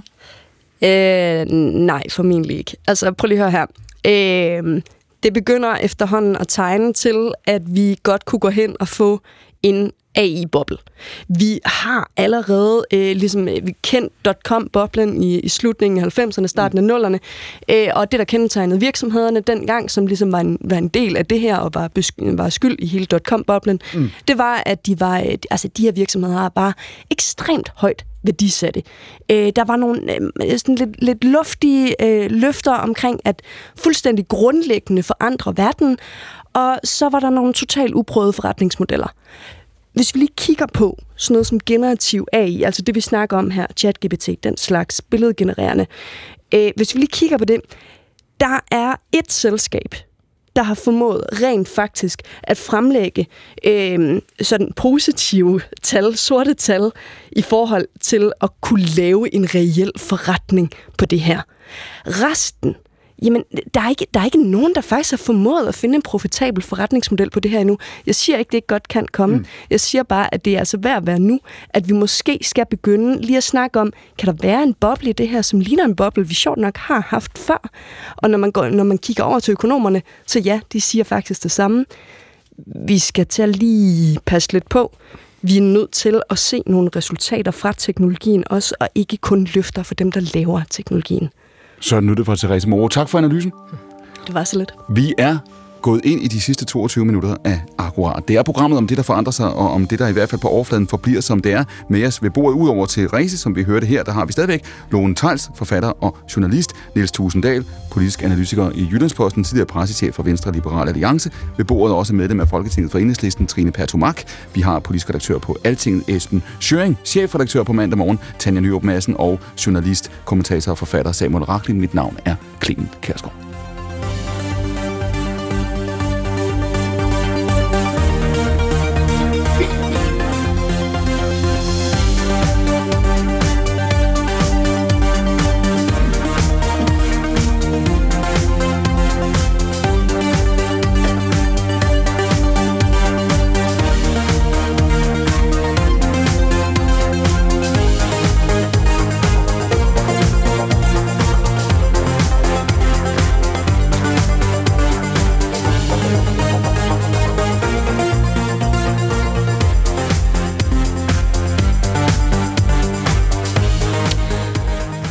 Som jeg har nævnt en gang eller to i programmet her, så befinder vi os jo altså næsten på dagen et år fra det amerikanske præsidentvalg. Hvad er status der? Ja, der er status jo af Donald Trump, hvis nogen forventede det omvendte, og det var, skal jeg hilse sige, der mange, der gjorde. Så fører han kapløbet hos republikanerne. Han fører øh, stort, som vi diskuterede i sidste uge, så har Mike Pence, hans tidligere vicepræsident, jo altså trukket sig fra kapløbet, der nærmer man sig nogle primærvalg. De skal i gang om et øjeblik. Hos demokraterne, ja, der ligner Joe Biden den eneste sandsynlige kandidat. Når man matcher de to op, så er der ganske mange målinger, hvor Trump står til at vinde. Trine Pertumark, når man sidder i Europa, når man sidder på Christiansborg, som du gør, hvilke tanker skal man gøre sig om verden om et år? Uh, altså hvis jeg kunne svare på alt det, så sad jeg nok lige, ikke lige her i dag. Jamen det ene er jo selvfølgelig, hvad betyder det for, hvad kan man sige, det, øh, det Vesten, som vi er en del af. Altså hvad betyder det valg for det Vesten, og for den, hvad kan man sige, globale diskussion, der er omkring øh, magtforhold, omkring fremme af folkeret, fremme af internationale institutioner, styrke, fremme af fælles beslutninger om store globale problemer. Øhm, og det andet handler måske mere om noget af det, vi har talt om tidligere i programmet, hele det omkring, hvad er det, hvordan forsvarer og styrker vi egentlig demokratiske institutioner mm. i de forskellige politiske fællesskaber, vi er i. Og der er jo nogle virkelig store spørgsmål, øh, som vil blive besvaret på den front, når det gælder USA som, øh, som stormagt. Samuel Racklin, når man ser på det, men nu kan man sige, at Donald Trump er jo en herre, ligesom Boris Johnson, ligesom øh, mange andre statsledere i de her år, som tiltrækker sig enormt meget øh, opmærksomhed, bruger det meget øh, aktivt. Øh, man bruger også i USA, og har nu jo altså i snart i ja, små 10 år i virkeligheden brugt enormt meget øh, energi på at diskutere øh, øh, Donald Trump. Når man ser, nu har vi lige diskuteret tech-udviklingen, vi har lige diskuteret mediebilledet, vi har lige diskuteret kunstig intelligens. Hvor meget er det, vi lever igennem i de her år, et spørgsmål om det? Altså et spørgsmål om, hvor vi er, hvordan vi taler sammen, hvor den politiske samtale øh, foregår, snarere end hvad Boris Johnson, eller Netanyahu, eller Putin, eller Donald Trump, eller Greta Thunberg, eller en anden person gør og siger? Jamen, populisterne er jo ikke en ny opfindelse. De har eksisteret i øh, virkelig lang tid i vores politiske kultur. Uh, Sinclair Lewis, en amerikansk forfatter, skrev... Babbitt? Øh, skrev øh, ja. romanen øh, It Can't Happen Here. Mm. Det kan ikke ske i, i USA i 1935, og øh, han fik øh, Nobels litteraturpris og forudså altså sådan en, en dystopi om, øh, hvordan øh, en fascistisk øh, drevet øh, person kan komme til magten i USA. Øh, okay, det forblev så den der øh, uvirkelige øh, litterære øh, virkelighed, men vi har jo set siden øh, 2015, da Donald Trump øh, startede sin kampagne, at det er faktisk øh, muligt at øh, drive gæk med hele det amerikanske politiske og retslige system i en grad, der munder ud i noget, der lignede et statskup øh, øh den 6. januar 2021. Øh, så pludselig så var Sinclair Lewis og hans øh, fantasier den rene og skændbarlige virkelighed, fordi det var jo virkelig dramatisk. Jeg var i Washington, jeg var øh, øh 20, 10 minutter fra øh, Capitol Hill, da det udspillede sig.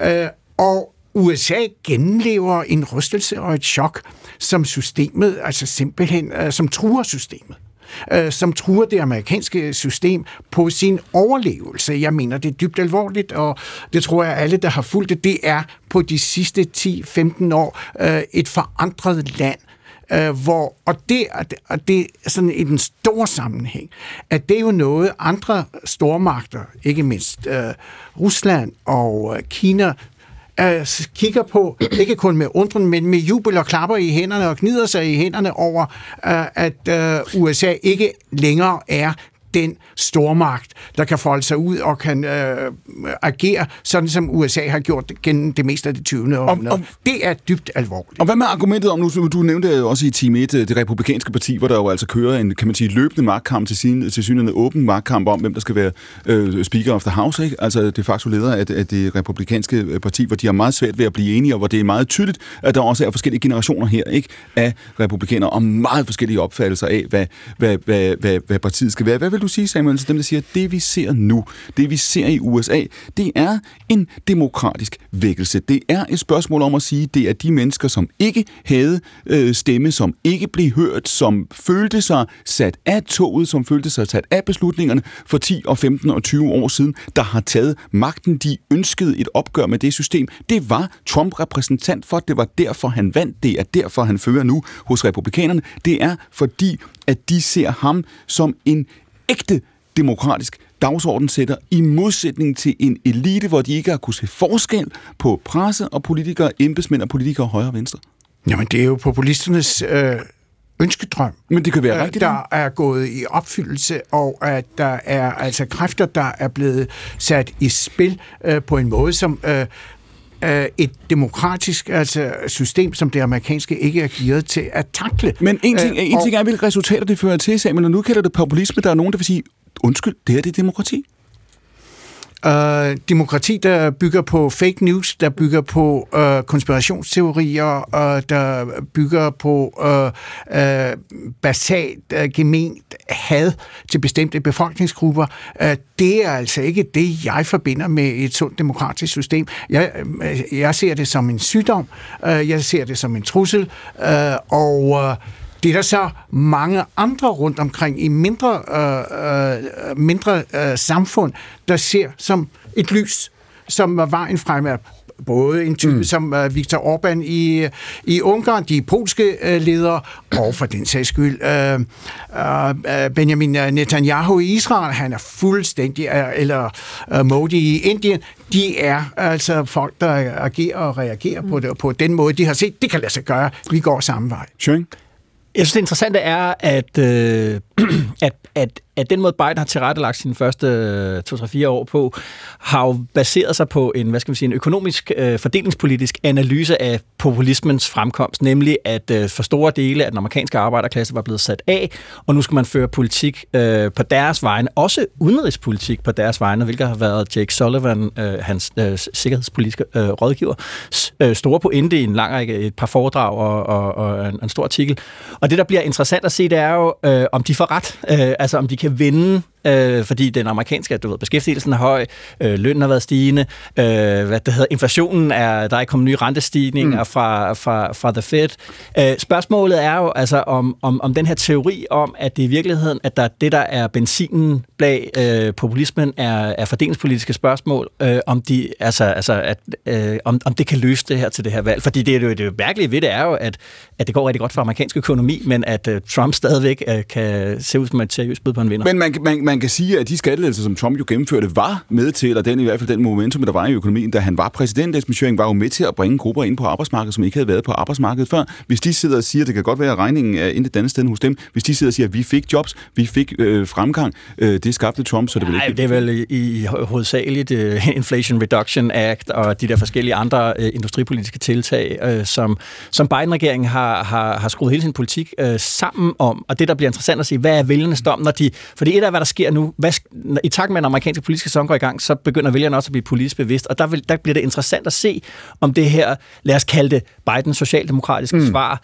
lykkes med at, at, at blive det, der, der knækker uh, Trump. Man kan også omformulere det, du siger, det du siger, det er også, hvilken betydning har økonomien i sig selv, og hvor meget spiller, hvilken rolle spiller, kan man sige, værdikampen eller identitetspolitikken, øh, Trine Patomak. Der har jo været, der var der i, i toppen af det demokratiske parti på mange universiteter, på mange chefredaktørkontorer, en analyse kvad det, som Esben lige siger også tilbage, som siger, jamen, jamen hør her, øh, det her det handler om, hvordan økonomien går, det handler om, hvilke forbrugsmuligheder har, hvilke, hvilke fremtidsudsigter folk har. Hvad nu, hvis det er grundlæggende forkert? Hvad nu, hvis vi lever i en tid i USA, andre steder også, hvor vi er drevet af andre spørgsmål, andre dagsordner, værdipolitiske dagsordner, identitetspolitiske dagsordner, det gælder øh, højrefløjen, men det gælder også venstrefløjen. Altså, hvad hvis det bare er sådan, at det nu er for et flertal af vælgerne nogle helt andre spørgsmål, der afgør, hvor de sætter deres kryds? Altså man kan sige, hvis man kigger til vores eget land, når der bliver målt på, hvad der er, folk synes er vigtigst i øh, forhold til valg, folketingsvalg, så er det i hvert fald ikke de identitetspolitiske spørgsmål, så er det jo faktisk fordelingspolitiske spørgsmål, eller klimadagsordenen. Mm. Jeg tror, noget af det, som nogle af de øh, hvad kan man sige, analytikere i USA siger, det er, at mange af de positive ting, der er sket under Biden, som amerikanerne faktisk grundlæggende er glade for, blandt andet Inflation Reduction Act, og noget af det klimatiltag, der ligger i det, det vil folk virkelig være meget positive for, de ved bare ikke, det er Biden, der har gjort det. Mm. Øh, fordi det har de amerikanske medier og den amerikanske administration ikke, eller det Biden-administration ikke været i stand til at omsætte til folk øh, til, til folks bevidsthed. Altså jeg tror i virkeligheden, noget af det, vi diskuterer internationalt, er jo, at der er en eller anden form for konflikt eller kon- konkurrence mellem auto, de autokratiske stater, eller autokratiske ledelser, og de, øh, de demokratiske. Og på en eller anden måde, så er det jo det, der i mikrokosmos udspiller sig i USA lige nu. Altså Trump er jo den ufejlbarlige leder, øh, og så hver gang han bliver kritiseret for demokratisk hold, altså partiet Demokraternes hold, øh, så vokser han i virkeligheden lidt i styrke, fordi så skal han jo bare sige fra over for de der øh, mærkelige demokrater, som vil underminere den amerikanske idé om, hvordan USA skal se ud. Så på en eller anden måde, så udspiller der sig jo en kamp omkring to forskellige varianter af USA. Og det er det, der gør det så, så interessant og så vigtigt for os andre i virkeligheden. For hvad er det, de vinder? Vinder de kampen om, øh, hvordan man er stærkt demokrati i en verden, hvor demokratiet er under pres, eller vinder den anden bølge i virkeligheden? Øh, og der er det store spørgsmål, hvad de unge amerikanere i virkeligheden mm. gør. Altså bliver de hjemme, eller tror de, at Biden kan løse noget af det? Fordi demokraterne er jo også splittet på, at man har nogen, der altså, har den her Bidens idé om det socialdemokratiske svar, eller hvad man vil kalde det. Og så de unge øh, med, hvad kan man sige, latinobaggrund eller alt muligt andet, mm. sorte amerikanere, som ikke ser, at det her Biden-svar øh, er det rigtige svar. Ikke fordi de vil identitetspolitikken, men fordi der også er de og lag i kampen omkring øh, tilhør og, og synlighed. Og, og også et generationsspørgsmål, Mikkel Lone Tejls, var, var det i 96, du kom til London i sin tid som ja, korrespondent? Ikke? Ja. Når du ser tilbage nu på, på Storbritannien her, for ligesom at ramme, skal man sige, altså helt bogstaveligt mellem, mellem, mellem Danmark og USA her, når du ser tilbage, da du kommer til, øh, til England, det er på det her tidspunkt, hvor, hvor Blair er, er står til at, at, at blive valgt, ikke? Det er øh, øh, slutningen på Thatcher-æraen, alt det her, man har et billede af i Storbritannien på det tidspunkt, og nu melder man sig ind i EU for alvor. Man var det ikke, men nu skulle man vende sig mod øh, Europa, og nu skulle man ligesom være en anden form for en anden form for land. Når du ser på Storbritannien nu, efter øh, øh, den overrække, hvor man har øh, implementeret Brexit, når man ser på, hvor øh, klødet, kan man sige, splittet Storbritannien på mange måder er. Hvad, hvad, fortæller, hvad fortæller den historie dig om, om, om politik? Jamen, der har vi jo også haft øh, en ekstremt karismatisk, øh, populistisk leder i øh, Boris Johnson, som jo øh, første øh, førte øh, den her Brexit-valgkampagne og vandt den stort øh, med en masse ting, som senere viste sig at være direkte løgn, øh, og i øvrigt også havde, havde øh, fiflet lidt med de tilskud, han fik osv videre. Så, men han blev jo stadigvæk valgt kæmpestort ind, mm. øh, og var meget, meget populær. Øhm, og vi har jo set sådan i de senere år et, øh, noget, der kunne mindes om en politisk farse udspille sig i, i, i London, i Downing Street, altså hvor vi har Boris Johnson, som simpelthen må gå af, fordi han har noget for parlamentet om de her fester, han har holdt under covid, og ikke kunne se, hvad der var gået galt med det. Øh, og så får vi øh, Liz Truss ind, som jo øh, insisterer på at implementere en økonomisk politik, som er lodret imod, hvad markederne øh, ligesom synes, der kunne være sundt for Storbritannien, og, og ligesom vender sit raseri mod markedet og siger, at øh, du de har undermineret hende. Når du ser tilbage på det billede, som du havde af Storbritannien i 90'erne i de ja. år der, tænker du så, Lone, jamen hør her, den splittelse, man ser i, i, i Storbritannien, som du taler om nu, hvor der også er relativt store vælgergrupper, som ligger og svinger mellem Labour og konservative. Ellers vil man ikke kunne se de, de, de mønstre, man ser nu. Den sejr, du talte om, som Boris Johnson fik, var også i, i Labour højborg, ikke? Tilbage jo. i 2019. Den såkaldte og, røde mur. Den røde mur, og det er jo, det er jo, pendul, altså det er jo pendulsvingninger, der er så set altså hele tiden øh, ligger og, og, og, og, og svinger. Altså, øh, de konservative har været ved magten i rigtig lang tid nu, Hed... men det ser ud som om, de får meget, meget svært ved at vinde det næste valg. Ja, og de har skiftet ud i deres politik og skiftet ud i deres vælgere undervejs, kan man sige. Ikke? Jo, altså... og, og lige nu der sidder vi jo altså med, altså folk valgte Boris Johnson ind, så får de Liz Truss, og nu har de Rishi Sunak. Det er altså, den, altså det er to premierminister, de ikke selv har valgt ind som kun er valgt af det konservative parti, som jeg må sige forholdsvis øh, består af midalderne hvide mænd. Det er dem, der har valgt, hvem der skal være premierminister i Storbritannien. Og det er der mange britiske vælgere, der føler, at der er lidt et brud på den demokratiske kontrakt efterhånden. Niels Tusindag, nu her Team 1 her, der diskuterer vi øh, den aktuelle situation i, øh, i dansk politik. Man skal hilse at sige, der er dybe kløfter. Ikke? Vi har også talt om de sociale medier, når man kommer på de sociale medier nu. Jeg skal hold op, hvor ser det i hvert fald ud som om, at vi står meget langt fra, fra, fra hinanden. Øh, når du sidder på, på Jyllandsposten Fortids, jo, som preschef på, på Christiansborg, tænker du, at den polarisering, vi oplever i, øh, i de her år, vi skal se til USA eller Storbritannien, som vi gør nu, øh, er det, er det et givet vilkår? Er det også et givet vilkår, at det, vi ser i Danmark, vil øh, gå i den samme retning? Ja, det tror jeg da, det er. Nu snakkede vi i forrige time om øh, konflikten i Israel og, mm. og, og Gaza, øh, og, øh, og der, der, der tror jeg godt, man kan sige, at der er rigtig mange politikere, som er simpelthen blevet virkelig chokeret over øh, nogle af de øh, reaktioner, de ser. Øh, hvis der er nogen, der prøver at gå ind på Mette Frederiksens Instagram-profil for eksempel, så prøv at lægge mærke til, uanset hvad hun slår op, så kommer der simpelthen en syndflod af beskeder. Øh, og nogle af dem, øh, hvad kan man sige, de pæneste af dem, det er bare dem, der siger, at øh, de synes, hun har hul i hovedet på grund af sin øh, støtte til Israel. Så er der øh, folk, som er decideret antisemitiske, og så er der folk, som simpelthen benægter fakta. Og, og, og, og det, det, det tror jeg, der sidder en, rigtig mange mennesker på Christiansborg øh, i regeringen, som tænker, det, det ved vi simpelthen ikke, hvordan vi skal håndtere det her. Og nu det her er bare et eksempel, som måske også er sådan særligt følelsesladet, men det er jo noget, som vi jo også, hvis man kan også gå tilbage til Mink-sagen, eller vi kunne se øh, alle mulige andre ting. Altså det der med, at, øh, at folk simpelthen ikke tror på, hvad de hører, øh, at, de ikke, øh, at de lukker øjnene for be, bevislige fakta. Øh, og det, det, det, det tror jeg ikke, det danske politiske system er givet til Nu sidder du på Jyllandsborg, godt som jeg spørger dig og, og, og Tanja i forhold til mediernes troværdighed her. Hvilken rolle skal vi spille? Hvad, hvilken, hvilke tanker gør du der om det, Niels, som din egen rolle som kommentator, som jagter om avisens rolle osv., i, i forhold til at sige, hvor, hvor, hvor, hvor tydeligt skal man være, og hvor meget er der overhovedet tilbage af en verden, hvor folk lytter til jer som et, et troværdigt medie? Bliver I også set som endnu en aktør, han altså? Ja, det er der, der er givetvis øh, nogen, der gør, men, øh, men, men vi er jo nødt til at tro på, at vores rolle er vigtig i forhold til så øh, at skille øh, skidt fra kanel, fordi jeg tror da, at der i den syndflod af øh, rigtige og forkerte oplysninger, der er, så vil der da være et endnu større behov for, at øh, der er nogen, som forhåbentlig med en eller anden form for troværdig stemme kan sige, hvad er rigtigt og hvad er forkert. Hvad skete der faktisk i de kibbutzer i Israel? Altså det må, det må være et, øh, et, et faktum, vi kan tale om. Er der nogen plads tilbage, Samuel, for, for at se på USA? Er der nogen plads tilbage for medier, som insisterer på at være neutrale og objektive? Eller, eller er vi der lige om et øjeblik, hvor alle på en eller anden måde har valgt side for at overleve? Nej, altså jeg, jeg, jeg er ikke skeptisk, eller jeg er ikke bange for de amerikanske mediers øh, sundhed øh, og status, og de klarer sig i øvrigt øh, økonomisk. De store af dem klarer sig jo øh, økonomisk fantastisk, fordi de har formået at klare den der overgang til øh, den digitale virkelighed. Så det er jeg ikke bekymret for. Det, jeg vil sige til det store billede, jeg er jo enig, at jeg kan følge både Esben og Trine i deres, både den, den øh, økonomiske, sociale, øh, kulturelle, generationerne, alt det er et øh, led i, i, i, i de kræfter, der er på spil i USA i dag.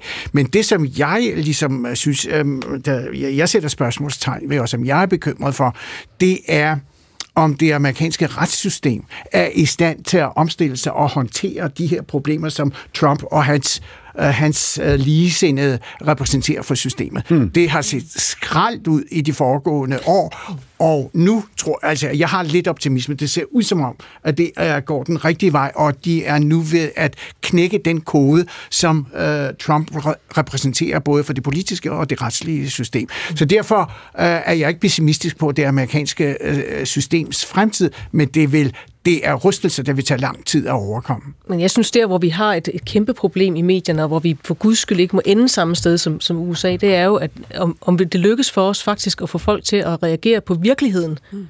og ikke på alle de her fortællinger om virkeligheden, som er mere eller mindre, du siger selv, øh, øh, løgnehistorier og, og, og fake news ja. øh, ændrede det amerikanske ja. valg. Og det synes jeg, når vi sidder og, og analyserer på, hvad er det egentlig, der rykkede vælgerne, er det fordelingspolitikken, er det værdipolitikken, så vil jeg sige, er det virkeligheden?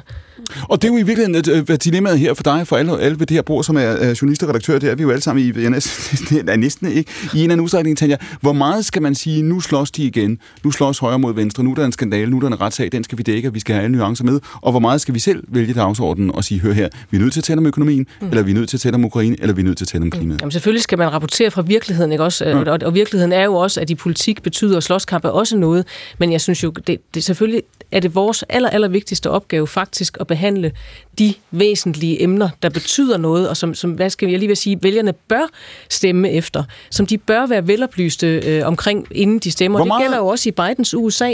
Altså når vælgerne ikke ved, hvilken politik deres egen regering har ført, og hvilken konsekvenser den har haft, så er det da et kæmpe demokratisk problem, fordi så stemmer de jo i blinde, eller, eller måske ligefrem misledt. Ikke? Esben, hvad gør I? Du er øh, politisk redaktør, du er også podcastvært jo sammen med din øh, kollega øh, Jakob Nielsen. Og hvor meget skal I, hvor meget skal altinget sige, hør her, hvis vi slås om det her, hvis de slås om det på Christiansborg, er vi nødt til at dække det, og hvor meget skal I sige, vi tør gå en anden vej, for der er noget, der er vigtigere? Altså, jeg, jeg, jeg, jeg, jeg tænker meget på, øh, på, at vi skal, at i stedet for, at, at vi nødvendigvis ligesom skal sige til folk, hvad de bør beskæftige, jeg, jeg, jeg læner mig meget op af, øh, at jeg gerne vil være en del af deres øh, verdensbillede. Og jeg tror, at det er det her med, at hvis, hvis, hvis vi skal tale om det der med medierne, vi skal, vi skal være opmærksom på, at, øh, at, at journalistik er en relation mellem mennesker, og derfor så, altså i stedet for ligesom at kigge så meget på det der med, du ved... Så du siger, det er ikke jer, der skal sætte en dagsorden, I skal ikke fortælle folk, hvad der er vigtigt og mindre vigtigt? Det, det, det kan godt, altså det gør vi jo, vi er jo, øh, vi er jo en del af en strøm på en eller anden måde, som forholder sig til sig selv, eller hvad man skal sige, politik og, og journalistik. Øh, jeg tænker, det, det er ikke min tankegang inden der, ikke at sige, jeg skal, skal fortælle skal dig, hvad, hvad der er vigtigt. Man skal det, ikke bryde ud af strømmen? Jamen det synes jeg, at man gør ved måske, eller hvad med at sidde og tænke, at nu skal at jeg står oppe og skal fortælle sådan mm. ex katedra, hvad det er, andre mennesker skal tænke over. En anden ydmyghed? Ja. Det siger Esben Schøring. Han sidder ved bordet, det gør han ved siden af Niels Tusinddal, Trine Pertumak, øh, Tanja Lyrup Madsen, Samuel Raklin. Vi har også haft besøg af Lone Tejls og Therese Moreau. Mit navn er Klingen Kærsgaard. Det her er jo altså P1 søndagsavis. Vi er naturligvis tilbage på søndag kl. 12.15 til kl. 14. I redaktionen sidder Frederikke Ernst, redaktør og producer er Louise Rømert. Og inden vi når så langt, så er vi også tilbage med debatten. der på DR2 som altid direkte på torsdag kl. 20. Men nu er der radiovis, for dette er program om 1, og klokken er 14.